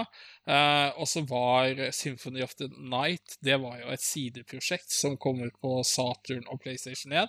Altså, jeg skal ikke sitte her og bestride at ikke Symphony of the Night er en av de beste, om ikke det desidert beste Castlevania-spillet noensinne. Men jeg syns Castlevania 64, selv om det har mye quirks, altså det har vanvittig mye irriterende segmenter, men så er det noe Altså, jeg husker jeg kjøpte dette på Allians platebar i Sandefjord, og betalte 799 kroner for det. det det var, du, ja, du hadde liksom ikke noe sånn bitterhet, så du blei jo sittende og spille det. Så, så jeg har liksom en sånn derre Jeg kan anerkjenne hva de prøvde å gjøre, men altså, de, de lyktes ikke med alt. Men allikevel så syns jeg det er et spill som er verdt å i hvert fall gi en titt, da. Men skal man spille det, så burde man helt klart gå for det som kom rett etterpå, eller et år etterpå, som heter Legacy of Darkness. For der Mm. rydda dem opp i mye av det knotet som er i det første, da. Nei, jeg husker at vi spilte det sjøl, og det var ah, jeg tror, jeg tror vi ga den en hel time eller et eller annet, men det var bare. Nei, det bare falt ikke i smak, og så slo vi det av, og så tok vi Liv Again istedenfor.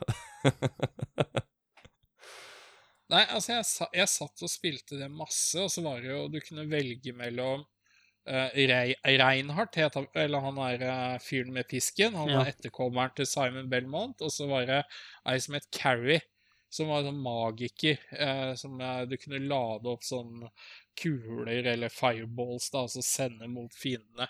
Så eh, altså, ja, som sagt, det var jo 799 kroner, så jeg måtte jo få noe igjen for det. Så satt jo og nerda det her. Men ja, jeg skal innrømme, jeg banna noen ganger for at jeg hoppa og traff, men allikevel så blir ikke det registrert, og jeg detter ned. Det, det, det, det skjedde mer enn én gang.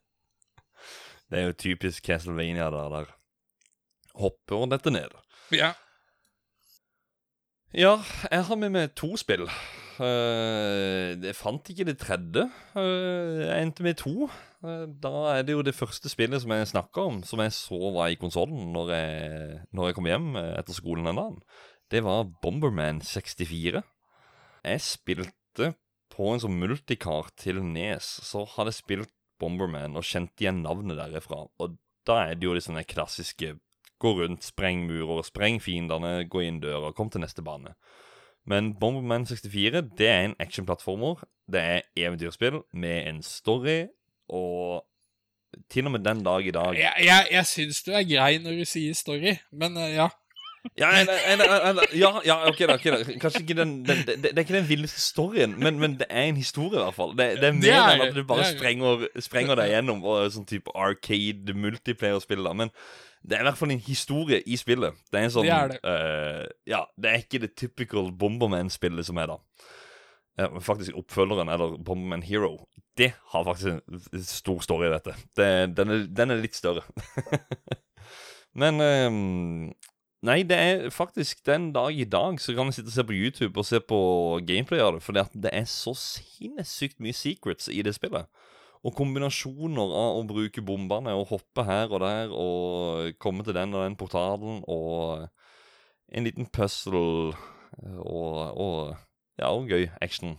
Jeg har en liten eh, innrømmelse der. Jeg husker jeg lånte det på videoverden, og jeg likte ikke spillet i det hele tatt.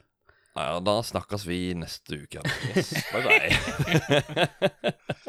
Nei, men jeg tror også det er litt med det som du sier der, Jan Olav, det med at du, du bare måtte like spillet, for det, det var det eller Fifa 98. ja, Min ja da, var jo veldig fotballfan. Jeg var sånn, jeg hadde akkurat slutta i fotball og brydde meg ikke så veldig mye om fotball, egentlig. Det blir jo litt som kill- killer instinct for min del, at du, du visste at det her var drit, men du sa til deg sjøl det her er morsomt, det her er morsomt, det her er Ja, morsomt, ja. og så Men jeg skal si at jeg har sett at Bomberman 64 finnes på Wii U, eh, Virtual Console, og har sett gameplay av det. Så ser jeg sånn grafikkmessig så ser det ikke så galt ut akkurat der. Så jeg har vurdert tanken på Tja, skal jeg prøve det der, eller er det som Golden Eye at eh, bare la det være. La det ligge. La det ligge til minnene.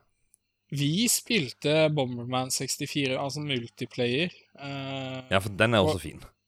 eh, for mindre enn eh, et år siden, vel. Og det var fortsatt like gøy, altså. Bomberman er liksom litt sånn tidløs klassiker. Nei, Jeg husker faktisk på multiplayer, for jeg syntes ikke multiplayer var så gøy. For jeg, jeg var ikke så god til det. Og så husker jeg at de, de som satt hjemme hos meg, da så Ja, kan vi spille multiplayer nå? Nei, det, det er mitt spill. vi, vi, vi må spille singleplayer. Det er mitt spill. Ja. Skal jeg ta det neste, eller vil du ta et, Adrian? Jeg kan jo ta et uh, imellom her. Jeg vil trekke frem Doom 64, et spill som uh, først fikk øynene opp uh, når jeg holdt på med research til Doom-episoden vår. Det var et spill jeg alltid trodde var en port til Nintendo 64, da. Så jeg var egentlig litt skuffa, eller på en, også på en positiv måte. Fordi at eh, Doom 64 er et standalone-spill som er utvikla av Midway og er ganske bra. De har lagd jo også nye modeller til spillet. Tilførte noen eh, nye våpen. Det har litt mindre fiender enn Doom 2. Så mange vil jo kanskje si at det her er det virkelige Doom 3, og ikke det som eh, mange er veldig skuffa over. Ja, Du kan egentlig sette det inn som Doom 3, nesten. For det, jeg husker jo det sjøl, eh, For vi spilte mye Doom 1 og Doom 2. Og så eh, kom det noen nye naboer, og så Ja, de hadde Nintendo 64. Så sto det da Doom 64. Jeg hadde aldri hørt om det. Jeg bare, Herregud, det er Doom på konsoll. Fete som konge. Og så Nei, men dette er jo ikke Doom. Dette er jo noe annet. Det er jo løgn. Ja, så ser det litt Så- annerledes ut enn de gamle Doom-spillene, og eh, ja, utnytte teknologien eh, til Nintendo 64 på en bra måte, da. Så det ser ganske bra ut. Så har det kommet på Steam nylig. Ja, Faktisk. og jeg tror også det fulgte med eh, Doom Eternal. Når du kjøpte det, så Pass, du Game Pass, der, eh, Ja, hvis du abonnerer på GamePass, da, da har du det med der, faktisk. Men eh, Doom-versjonen er- til Nintendo 64 er litt mørkere enn det som eh, kom til Doom Eternal, for det er mye mer opplyst der, så du mister litt Ja. den der eh, skumle effekten. Så Håkon, eh, du kan jo ta neste. Ja, det er Atlus-klassikeren, holdt jeg på å si. Men uh, det er jo ikke eh, alle som har hørt om det, tror jeg. Men Mario Kart var fet, og Diddy Kong Racing var også fet. Masse itemboxes og sånne ting. Men Snowboard Kids det er litt sånn der, jeg, jeg kaller det en skjult perle, fordi Ja. det er liksom de to det er, det er de, de to spillene ligger på toppen av Mario Kart og Diddy Kong Racing. Jeg tør å sette uh, Snowboard Kids rett under, for at det er litt clunky kontrollere kunne kanskje vært litt mer solid og kanskje gått litt kjappere.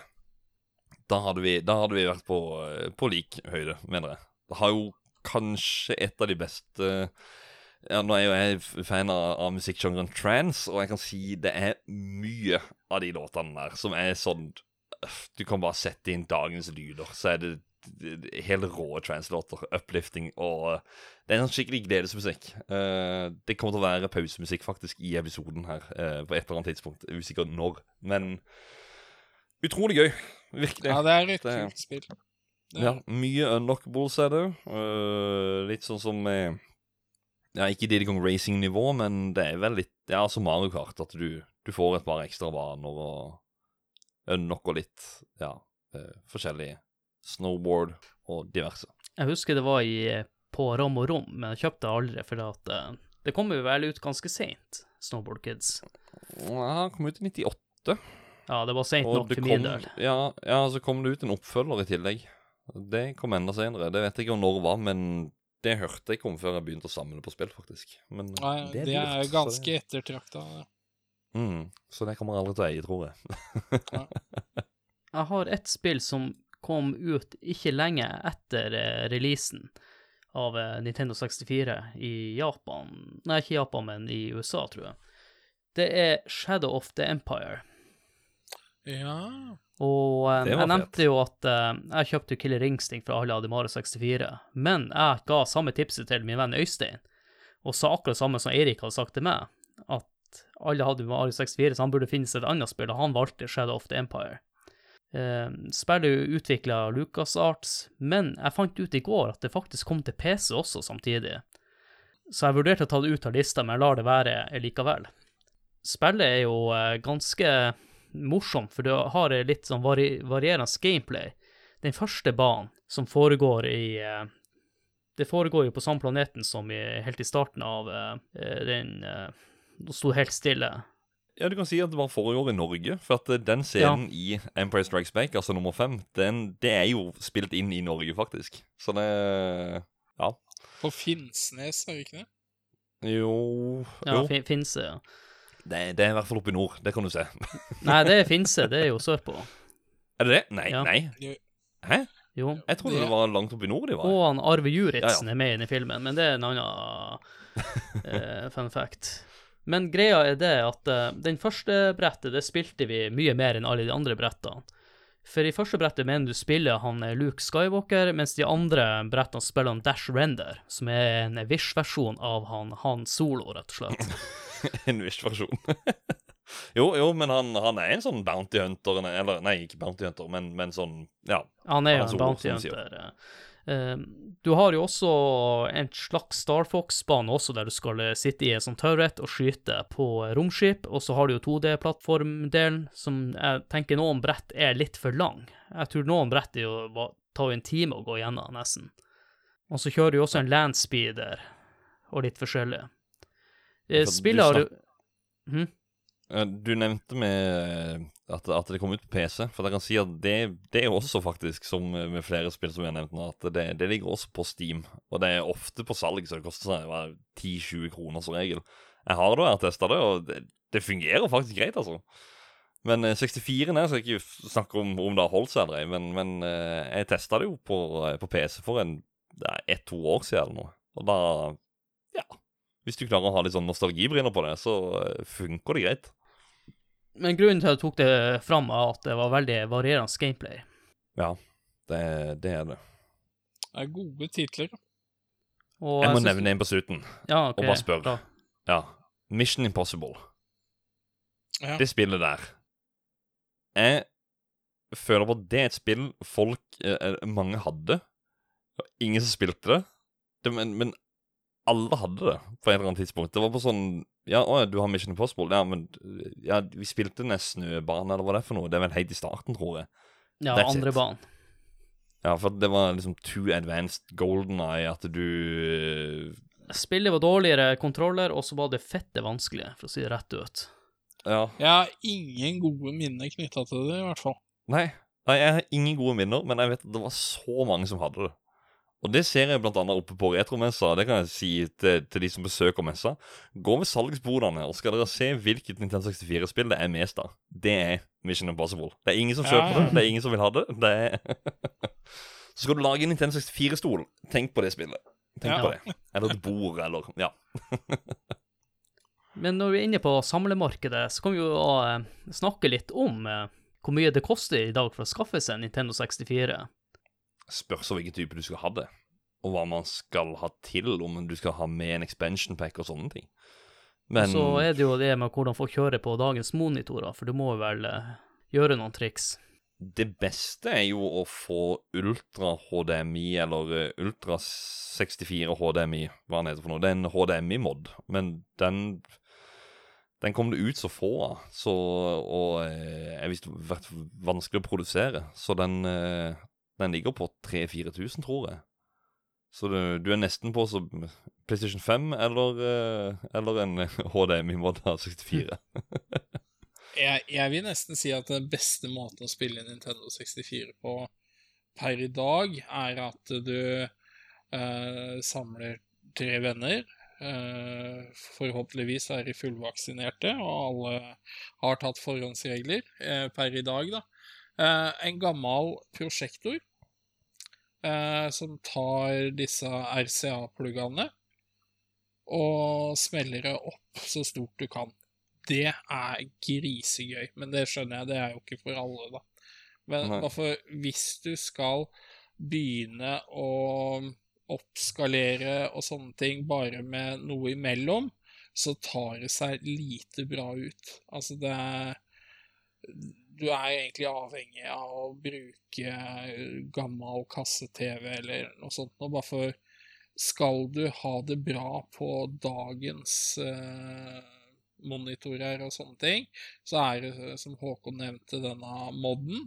Eller så må du bruke mye på en upscaler for å Mm. få det bra. Du har jo de som heter RGB-modder også. Eh, Frankrike fikk en eh, RGB Eller den, han gir ikke direkte RGB-signal, men han, han eh, eh, konverterer bildesignalet, bare sånn at du får det ut via RGB. For at Bruker du en RGB-skartkabel på de konsollene vi fikk her i Norge, så får du sort-hvitt-bilde. Da får du ikke det fulle utbyttet av det, da. Eh, så jeg har jo modda min konsoll, og da jeg tror du må opp i 1500 for det. Og så, som, som Jan Olav sa her nå, da, at det er jo upscalere, så må du gjerne ha det i tillegg, og da pang, så er du på 3000 plutselig. Så det er ja, kasse-TV og en, eh, en vanlig konsoll, så kommer du egentlig langt.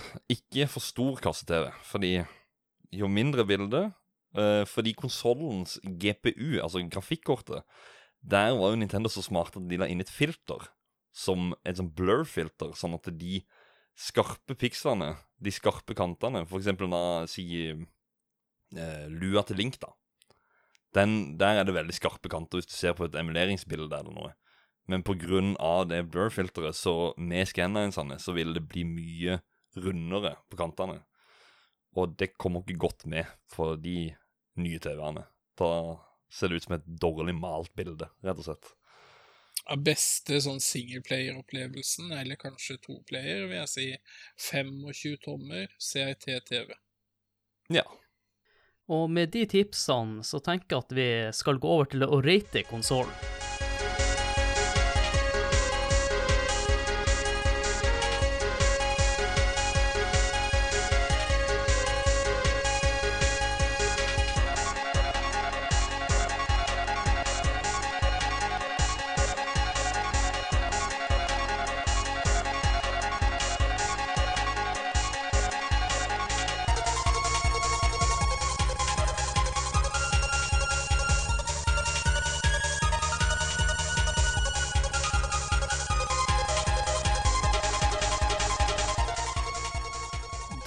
Skal vi rate konsollen.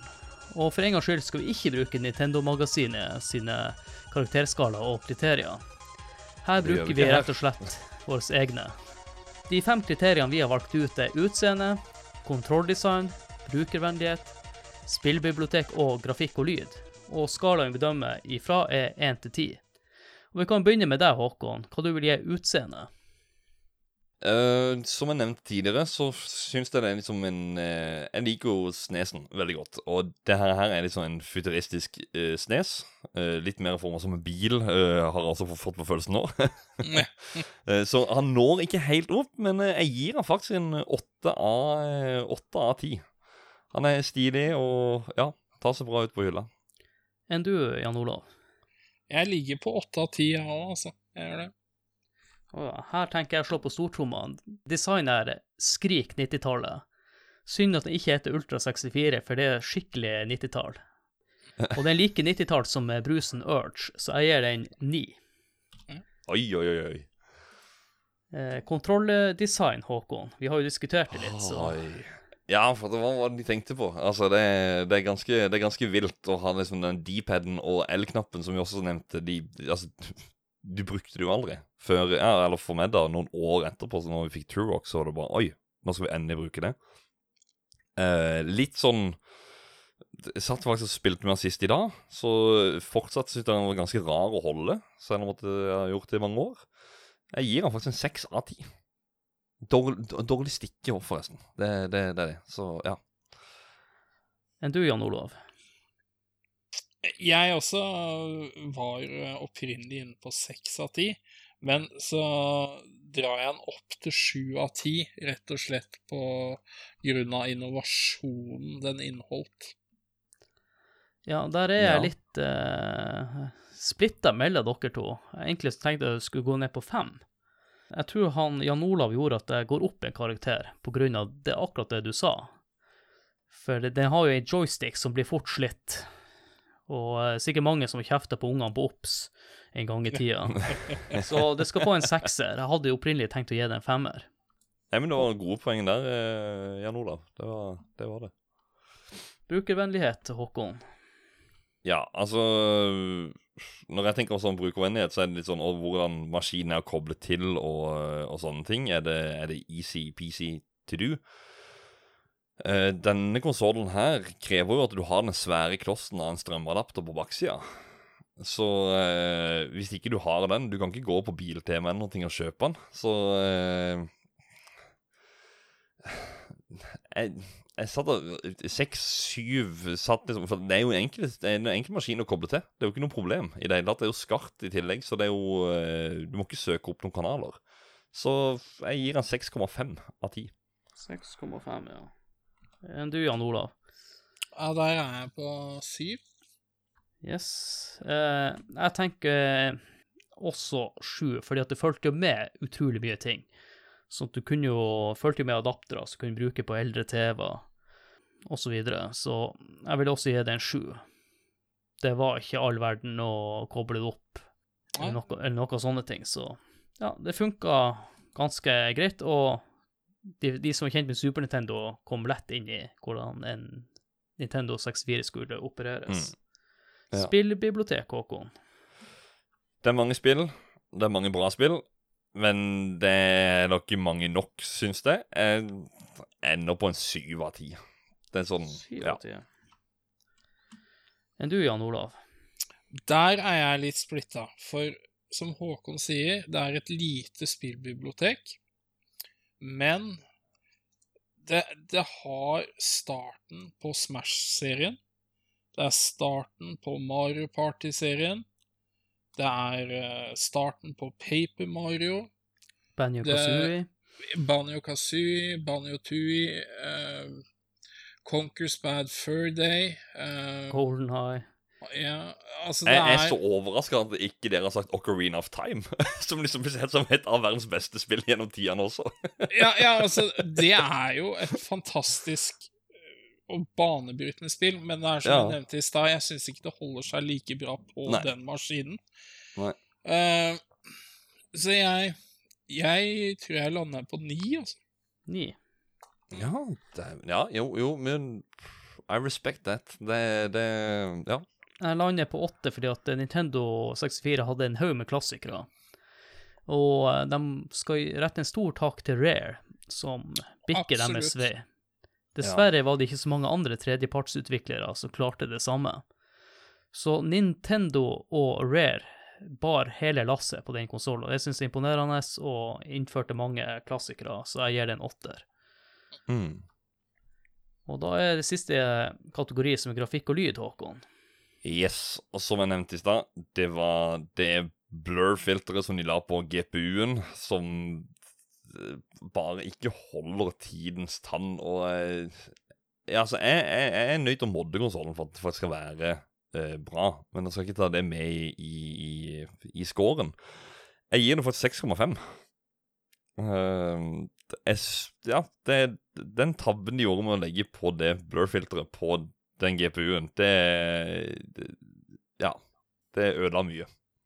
det, det blur-filteret er jo veldig reelt, og du hadde spillutviklere, spesifikt Rare og Nintendo, som du sa, som klarte å utnytte den maskinen på en helt annen måte enn det andre fikk til. Og altså, jeg har jo vært heldig og fått snakke med flere av de fra Rare. Eh, De har jo også vært på messa, og de har jo fortalt hvor komplisert det egentlig var å lage spill til den her. Noen klarte også å utnytte dette med den tåka, for å kalle det det, som du fikk liksom i horisonten. Sikten din var jo ikke så lang. Eh, du har jo skrekkeksempelet i Supermann 64, hvor de Mm.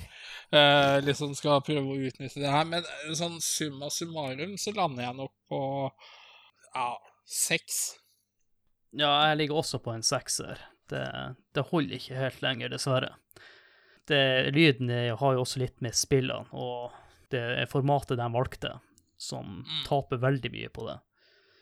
Eh, grafikken Man har jo spilt det noen Nintendo 64-spill i ettertid. Eh, det blir litt som han Håkon nevnte, men han eh, blur-effekten av det. Så jeg gir det en eh, sekser. Og da har jo alle fått rata Eller ja, satt sine ratings til konsollen. Og da tror jeg rett og slett bare går over til eh, lytterspalten.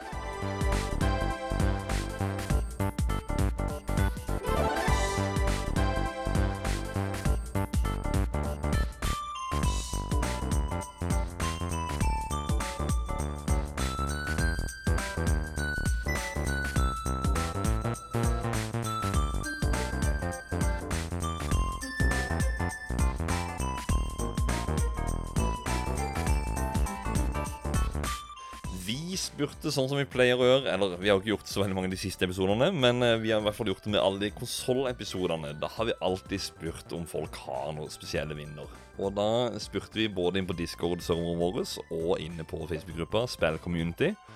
Vi kan begynne inne på Discorden. Og Da var det jo om vi, hva, som er, hva som er deres beste minner til konsollen, og om det er noen spesielle spill som fortjener å bli nevnt. Det er jo Fisto, som også er kjent som Otto. Han kjøpte en på Johnsen Elektro på Bardufoss høsten 1998.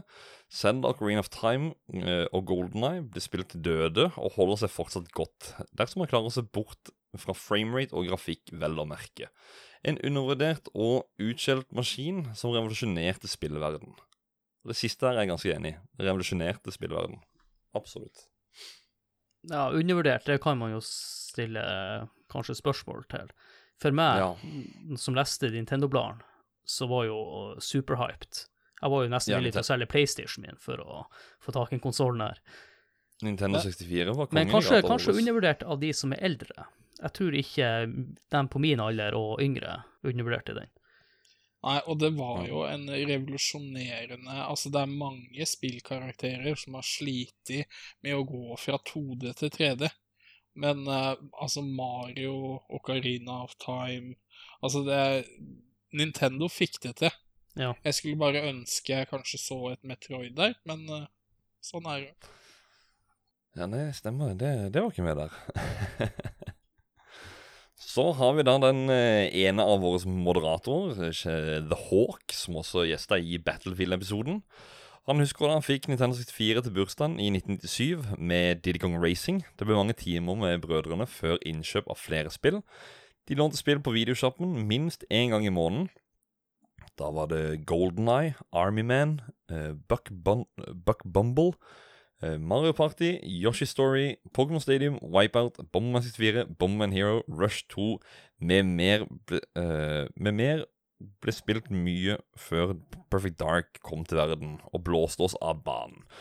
Vi flyttet, eh, vi flyttet oss fra hus til hus i nabolaget for, eh, for, for å spille mest mulig, eh, når en av våre foreldre mente vi hadde spilt nok og måtte ut og lufte oss.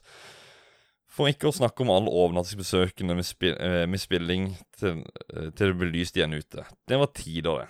Og så skriver han da at han glemte også å nevne Mario 64. Men det er jo en selvfølge til den konsollen, Ja. mener jeg da. Ja, det er det. Jeg kjenner meg igjen. Jeg gjør det. Det var sånn hos oss òg. Ja, nå har dere spilt nok. Ja, men da går vi bare opp til Espen, da. Ja, nå har dere Ja. spilt nok. Ja, men da går vi bare til Lars. Det er ikke noe problem. De utnytter systemet. Ja. Vi fant en hekk. Vi fant en hekk. Det var det som var der inne på kanalen Spørsmålsspalten inne på spilldiscorden. Inne på uh, spillcommunity på Facebook, der var det litt flere kommentarer. Skal vi se. Førstemann der er Michelle Krogstad. Hun, har, hun skrev bare DK64 og tre hjerter. Ja, jeg var aldri fan av det, men eh, jeg vet stort sett folk var fan av det. Det fikk jeg til jul 1999, tror jeg. Der skal jeg slippe en brannfakkel, og så skal jeg si at eh, det er kanskje det dårligste Donkey Kong-spillet som er. Yes! Det kan være en Kunne ikke vært mer enig. Jeg er ganske så enig. Enda er eide Og, det. eh, og Ja. jeg syns det, det er hyggelig at eh, Michelle kommer og liksom kjærlig sier at Donkey Kong 64 Nei, vi tråkker bare på det. Ja, ja, ja men altså, det, er, det, det handler noe om Sånn som Castlevania 64 er spesielt for Ja. meg. Eh, og eh, det er mange som liker Donkey Kong 64, Mm. uten tvil. Men eh, altså, jeg, jeg ble mer irritert og forbanna når jeg spilte det, enn noe annet. Ja. Nå Når han hus ruller bortover. Uh.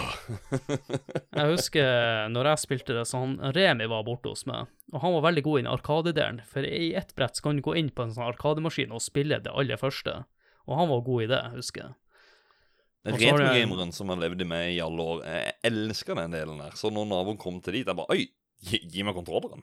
Og der spilte du med D-paden, faktisk. Ja. Faktisk. Yes. Mm. Og så må ikke glemme den legendariske rappen som er med i den, det spillet. Mm. Fra Grant Kirkhope. Ja, He's the leader of the Ja. bunch, you know him well.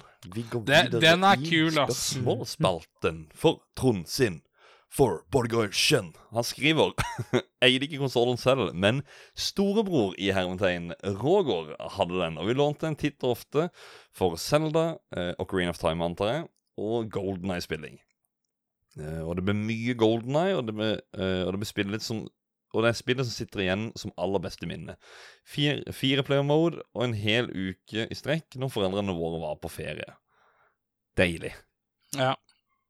Nesten så jeg kjenner meg igjen. Det var bare det at det, det var ikke eh, foreldrene våre var, var på ferie, men jeg husker det var en periode hvor vi ja, Vi spilte ifra slutten av skoledagen og, og til kvelden, og det var konstant. Ja, så vil jeg bare oppfordre lytterne, hvis dere har lyst til å høre mer om det spillet, så det er den tredje episoden, som spilleepisoden. Da snakker vi om Golden Eye. Eller kanskje det var andre, jeg husker ikke helt. Jeg tror det var tredje. Og under der så har vi en av spilledåsene, Celine Skjefte Martinsen. Eller Celine Selda Skjefte eh, Martinsen. Kan jeg prøve å gjette at det har noe med banjo og kazooie å gjøre? Eh, Det Der tok du feil. For hun yes. Golden Eye for alle penger. Og Hæ? CEF-OOT, som er forkortelse for Ocarina of Time. Ja, for jeg vet hun er ganske glad i dette banjo kazooie òg. Ja, eh, det er også utrolig bra spill. Ja, Det kjøpte jeg kun av at det var eh, reklamert for god grafikk. Ja. Og det var det. Og så de stemmene. Åhå? Åhå? Og så han der eh, Han trollmannen. Det, er, det, det der det er rare-språket. Det er rare-språket, rett og slett. Nei, Banjo Kazooie det er et eh, spill vi er nødt til å lage en episode om i framtida. Ja, faktisk. Det fortjener det virkelig. Men jeg merka når jeg spilte det, det første Jokalele, som er en sånn åndelig oppfølger, da irriterte de stemmene meg. Altså, Ah, det, det, det- altså det, da var den sjarmen borte. Jeg lo av fl- dialogen og sånt nå, men det der Da kjente jeg meg Vær så snill! Han er, han er muldvarpen som bare Og så kommer Kazooie. Det, det, er blør i ørene. Ja. Så kommer Fred Inge, Mr. Awesome Stenersen, også kjent som Fis inn på Discord-community vår. Han husker svært godt hvor råbra Super Mario 64 var. Spesielt 100 mynter i TikTok-drittklokk. Ja. Det er kanskje den verste stjerna, og det var den jeg mangla før jeg fikk 120. Eh, ellers hadde du jo Golden Eye og det meste eh, og, Nei, og det beste Mario Kart-spillet i serien. Donkey Kong 64 og Banjo-serien må også nevnes. Mario Kart 64 var, var eh, en av mine favoritter helt til Mario Kart 8. Ja, og så var det egentlig frem til Double Dash, og så Mario Kart 8, for min del. Jeg har alltid digga Double Dash, for en eller annen grunn. Men eh, det nevnes jo i de Mario Kart-episodene vi har, faktisk. Mm. Så sjekk de også ut. Under her så har vi Steinar eh, Ståby. Staby, eller Ståby, det er eh, to a-er i hvert fall. Han skriver 'Conquers Bad for a Day' og eh, 'Perfect Dark', Mario Kart, Paper Mario, eh, Mario Party, Super Smash Bros, Turok, Micro Machines og Killer Instinct. En rekke gode titler. Det er det. Adrian? Killer Instinct? Ja, der kan jeg være litt uenig. Ja, han nevner også Paper Mario. Det er jo Jeg har ikke spilt det, men jeg vet det er en dyr tittel, og at det er et bra spill. Uten tvil, og de fleste som har kommet etter, er veldig bra. De har Mm. litt her og der, men jeg, altså, jeg liker eh, hele den lekenheten med Ja. å bygge et RPG rundt uh, papirbretting. Mm. Sånn som ble i Eh, etter hvert. Ja, ja, ja det er fantastisk, altså. Utrolig kult. Og under her så står Karsten Solheim, også kjent som Martyrik, som var med i vår Castlevania Bonanza, som var tre episoder på rappen. Eh, Han nevner selvfølgelig da Castlevania 64. Så her har du en som er, glad i det, Jan. Det høres ut som uh, sikkert en annen som har brent av 799 spenn. Ja. Nei, vet du hva, jeg har, jeg har faktisk snakka med han her om dette, og han, han, han står ganske hardt på det. At eh, det er en, en storfavoritt blant Castlevania-spillerne. Og eh, en annen som har vært med her før, Ralf eh, William Numelin, han har jo også et kjært minne til Castlevania, og sier også at det er et av de bedre. Så har du Lars Rikard Olsen fra Lolbua, som også var med på Another World-episoden, og noen andre. Spennende maskin. Super Mario 64 ga meg et nytt syn på hva spillet kunne være. Dette var det første spillet som virkelig føltes 3D for meg. Det er godt beskrevet.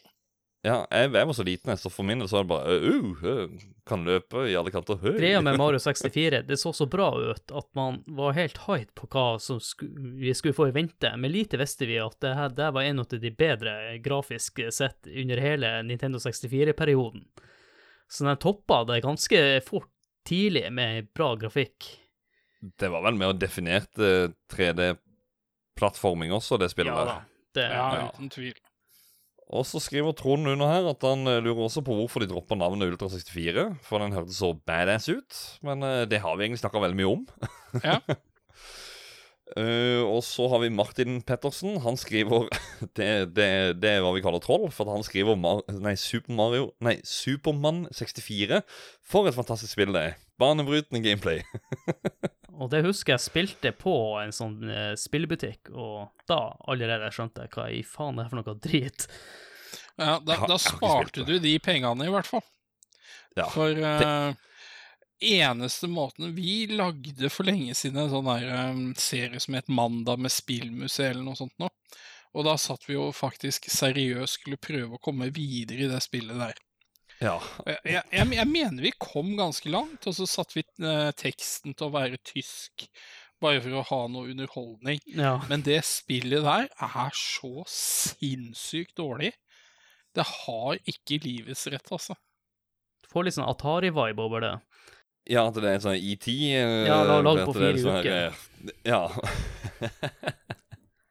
men men er, det, er, det, er det sånn eh, Jeg har jo ikke spilt det, da. Men kan dere tro at det er noen som som, eh, for at, som du nevnte tidligere, at du betalte 799 for Castlevania og bare måtte spille det. Tror du at det kan være noen som bare måtte spille Superman? Garantert. Og sånn sikkert eh, forsvarte i skole... Eller i friminuttene på skolen. Det er Ja, garantert altså, noen som bare- eh, har gjort det. Er det så dårlig at det, liksom, det, det egentlig ikke kan tenkes at det faktisk blir beskytta?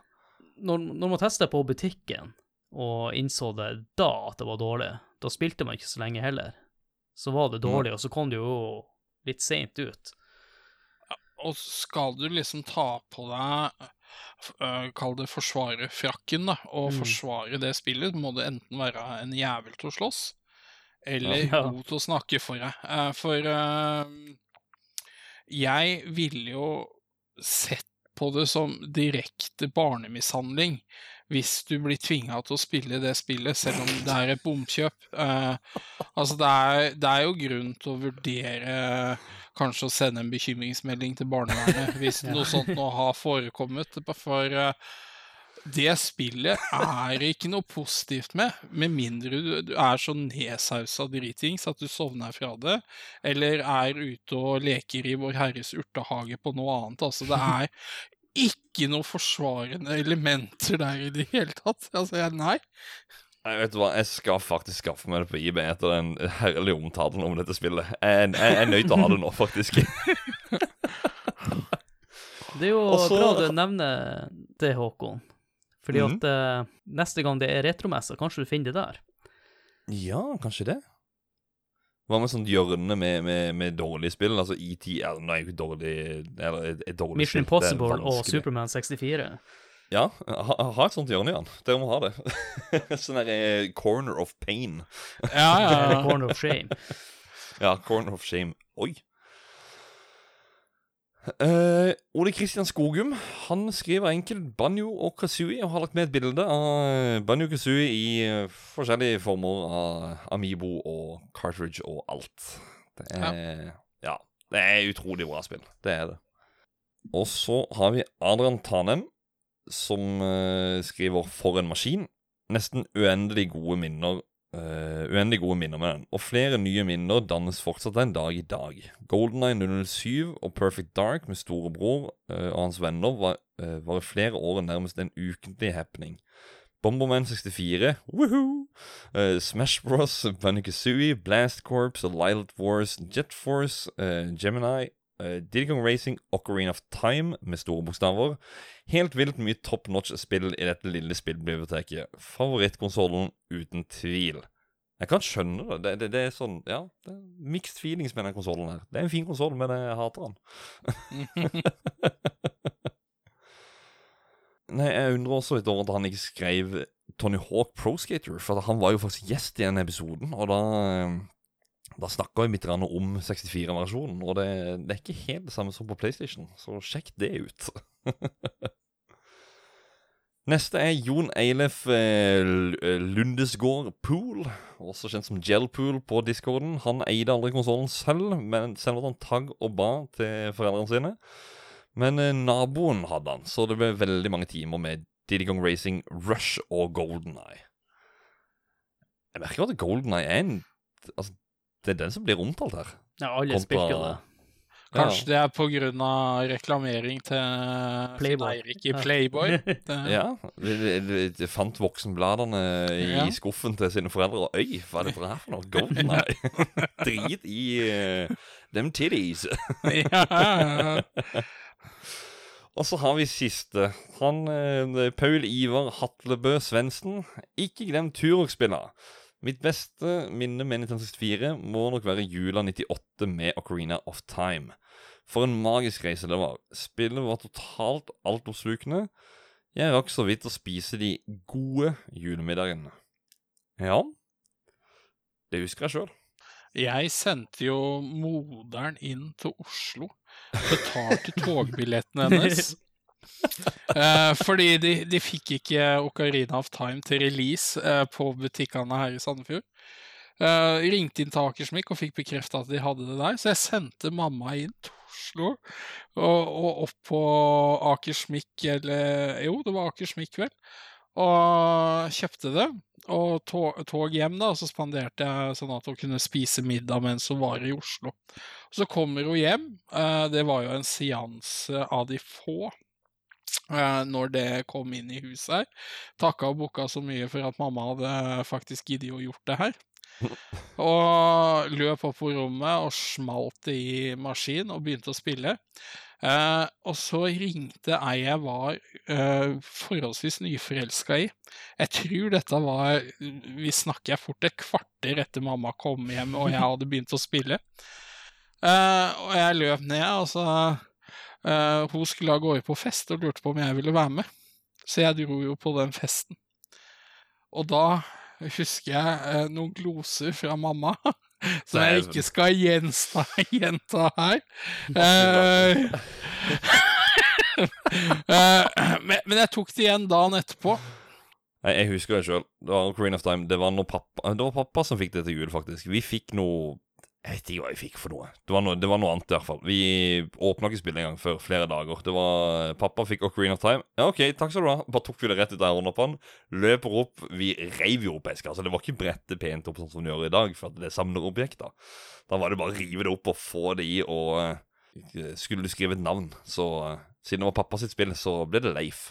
Så uh, Link het Leif for oss Ja. i et år eller to. Han heter ikke Link. Leif. Ja. Fint navn på en sånn eh, som streber rundt i hyrehullet det. Ja. Som jeg trodde het selv da i ganske lang tid. Men eh, Ja. ja.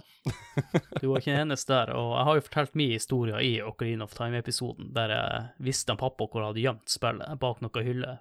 På obs, Ja. Å, det er fint. Det er fint.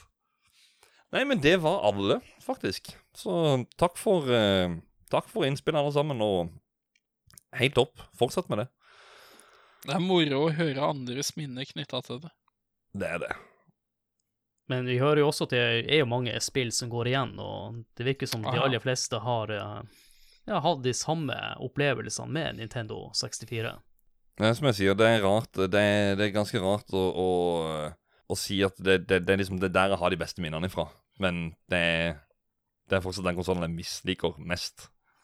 Sånn, ja. I, I senere tid, da, vel å merke. Nå er det jo slik at eh, jeg og du, Håkon, vi har jo ikke møttes hverandre fysisk, og sist gang vi møtte hverandre fysisk var i under retromessa i 2019, ja.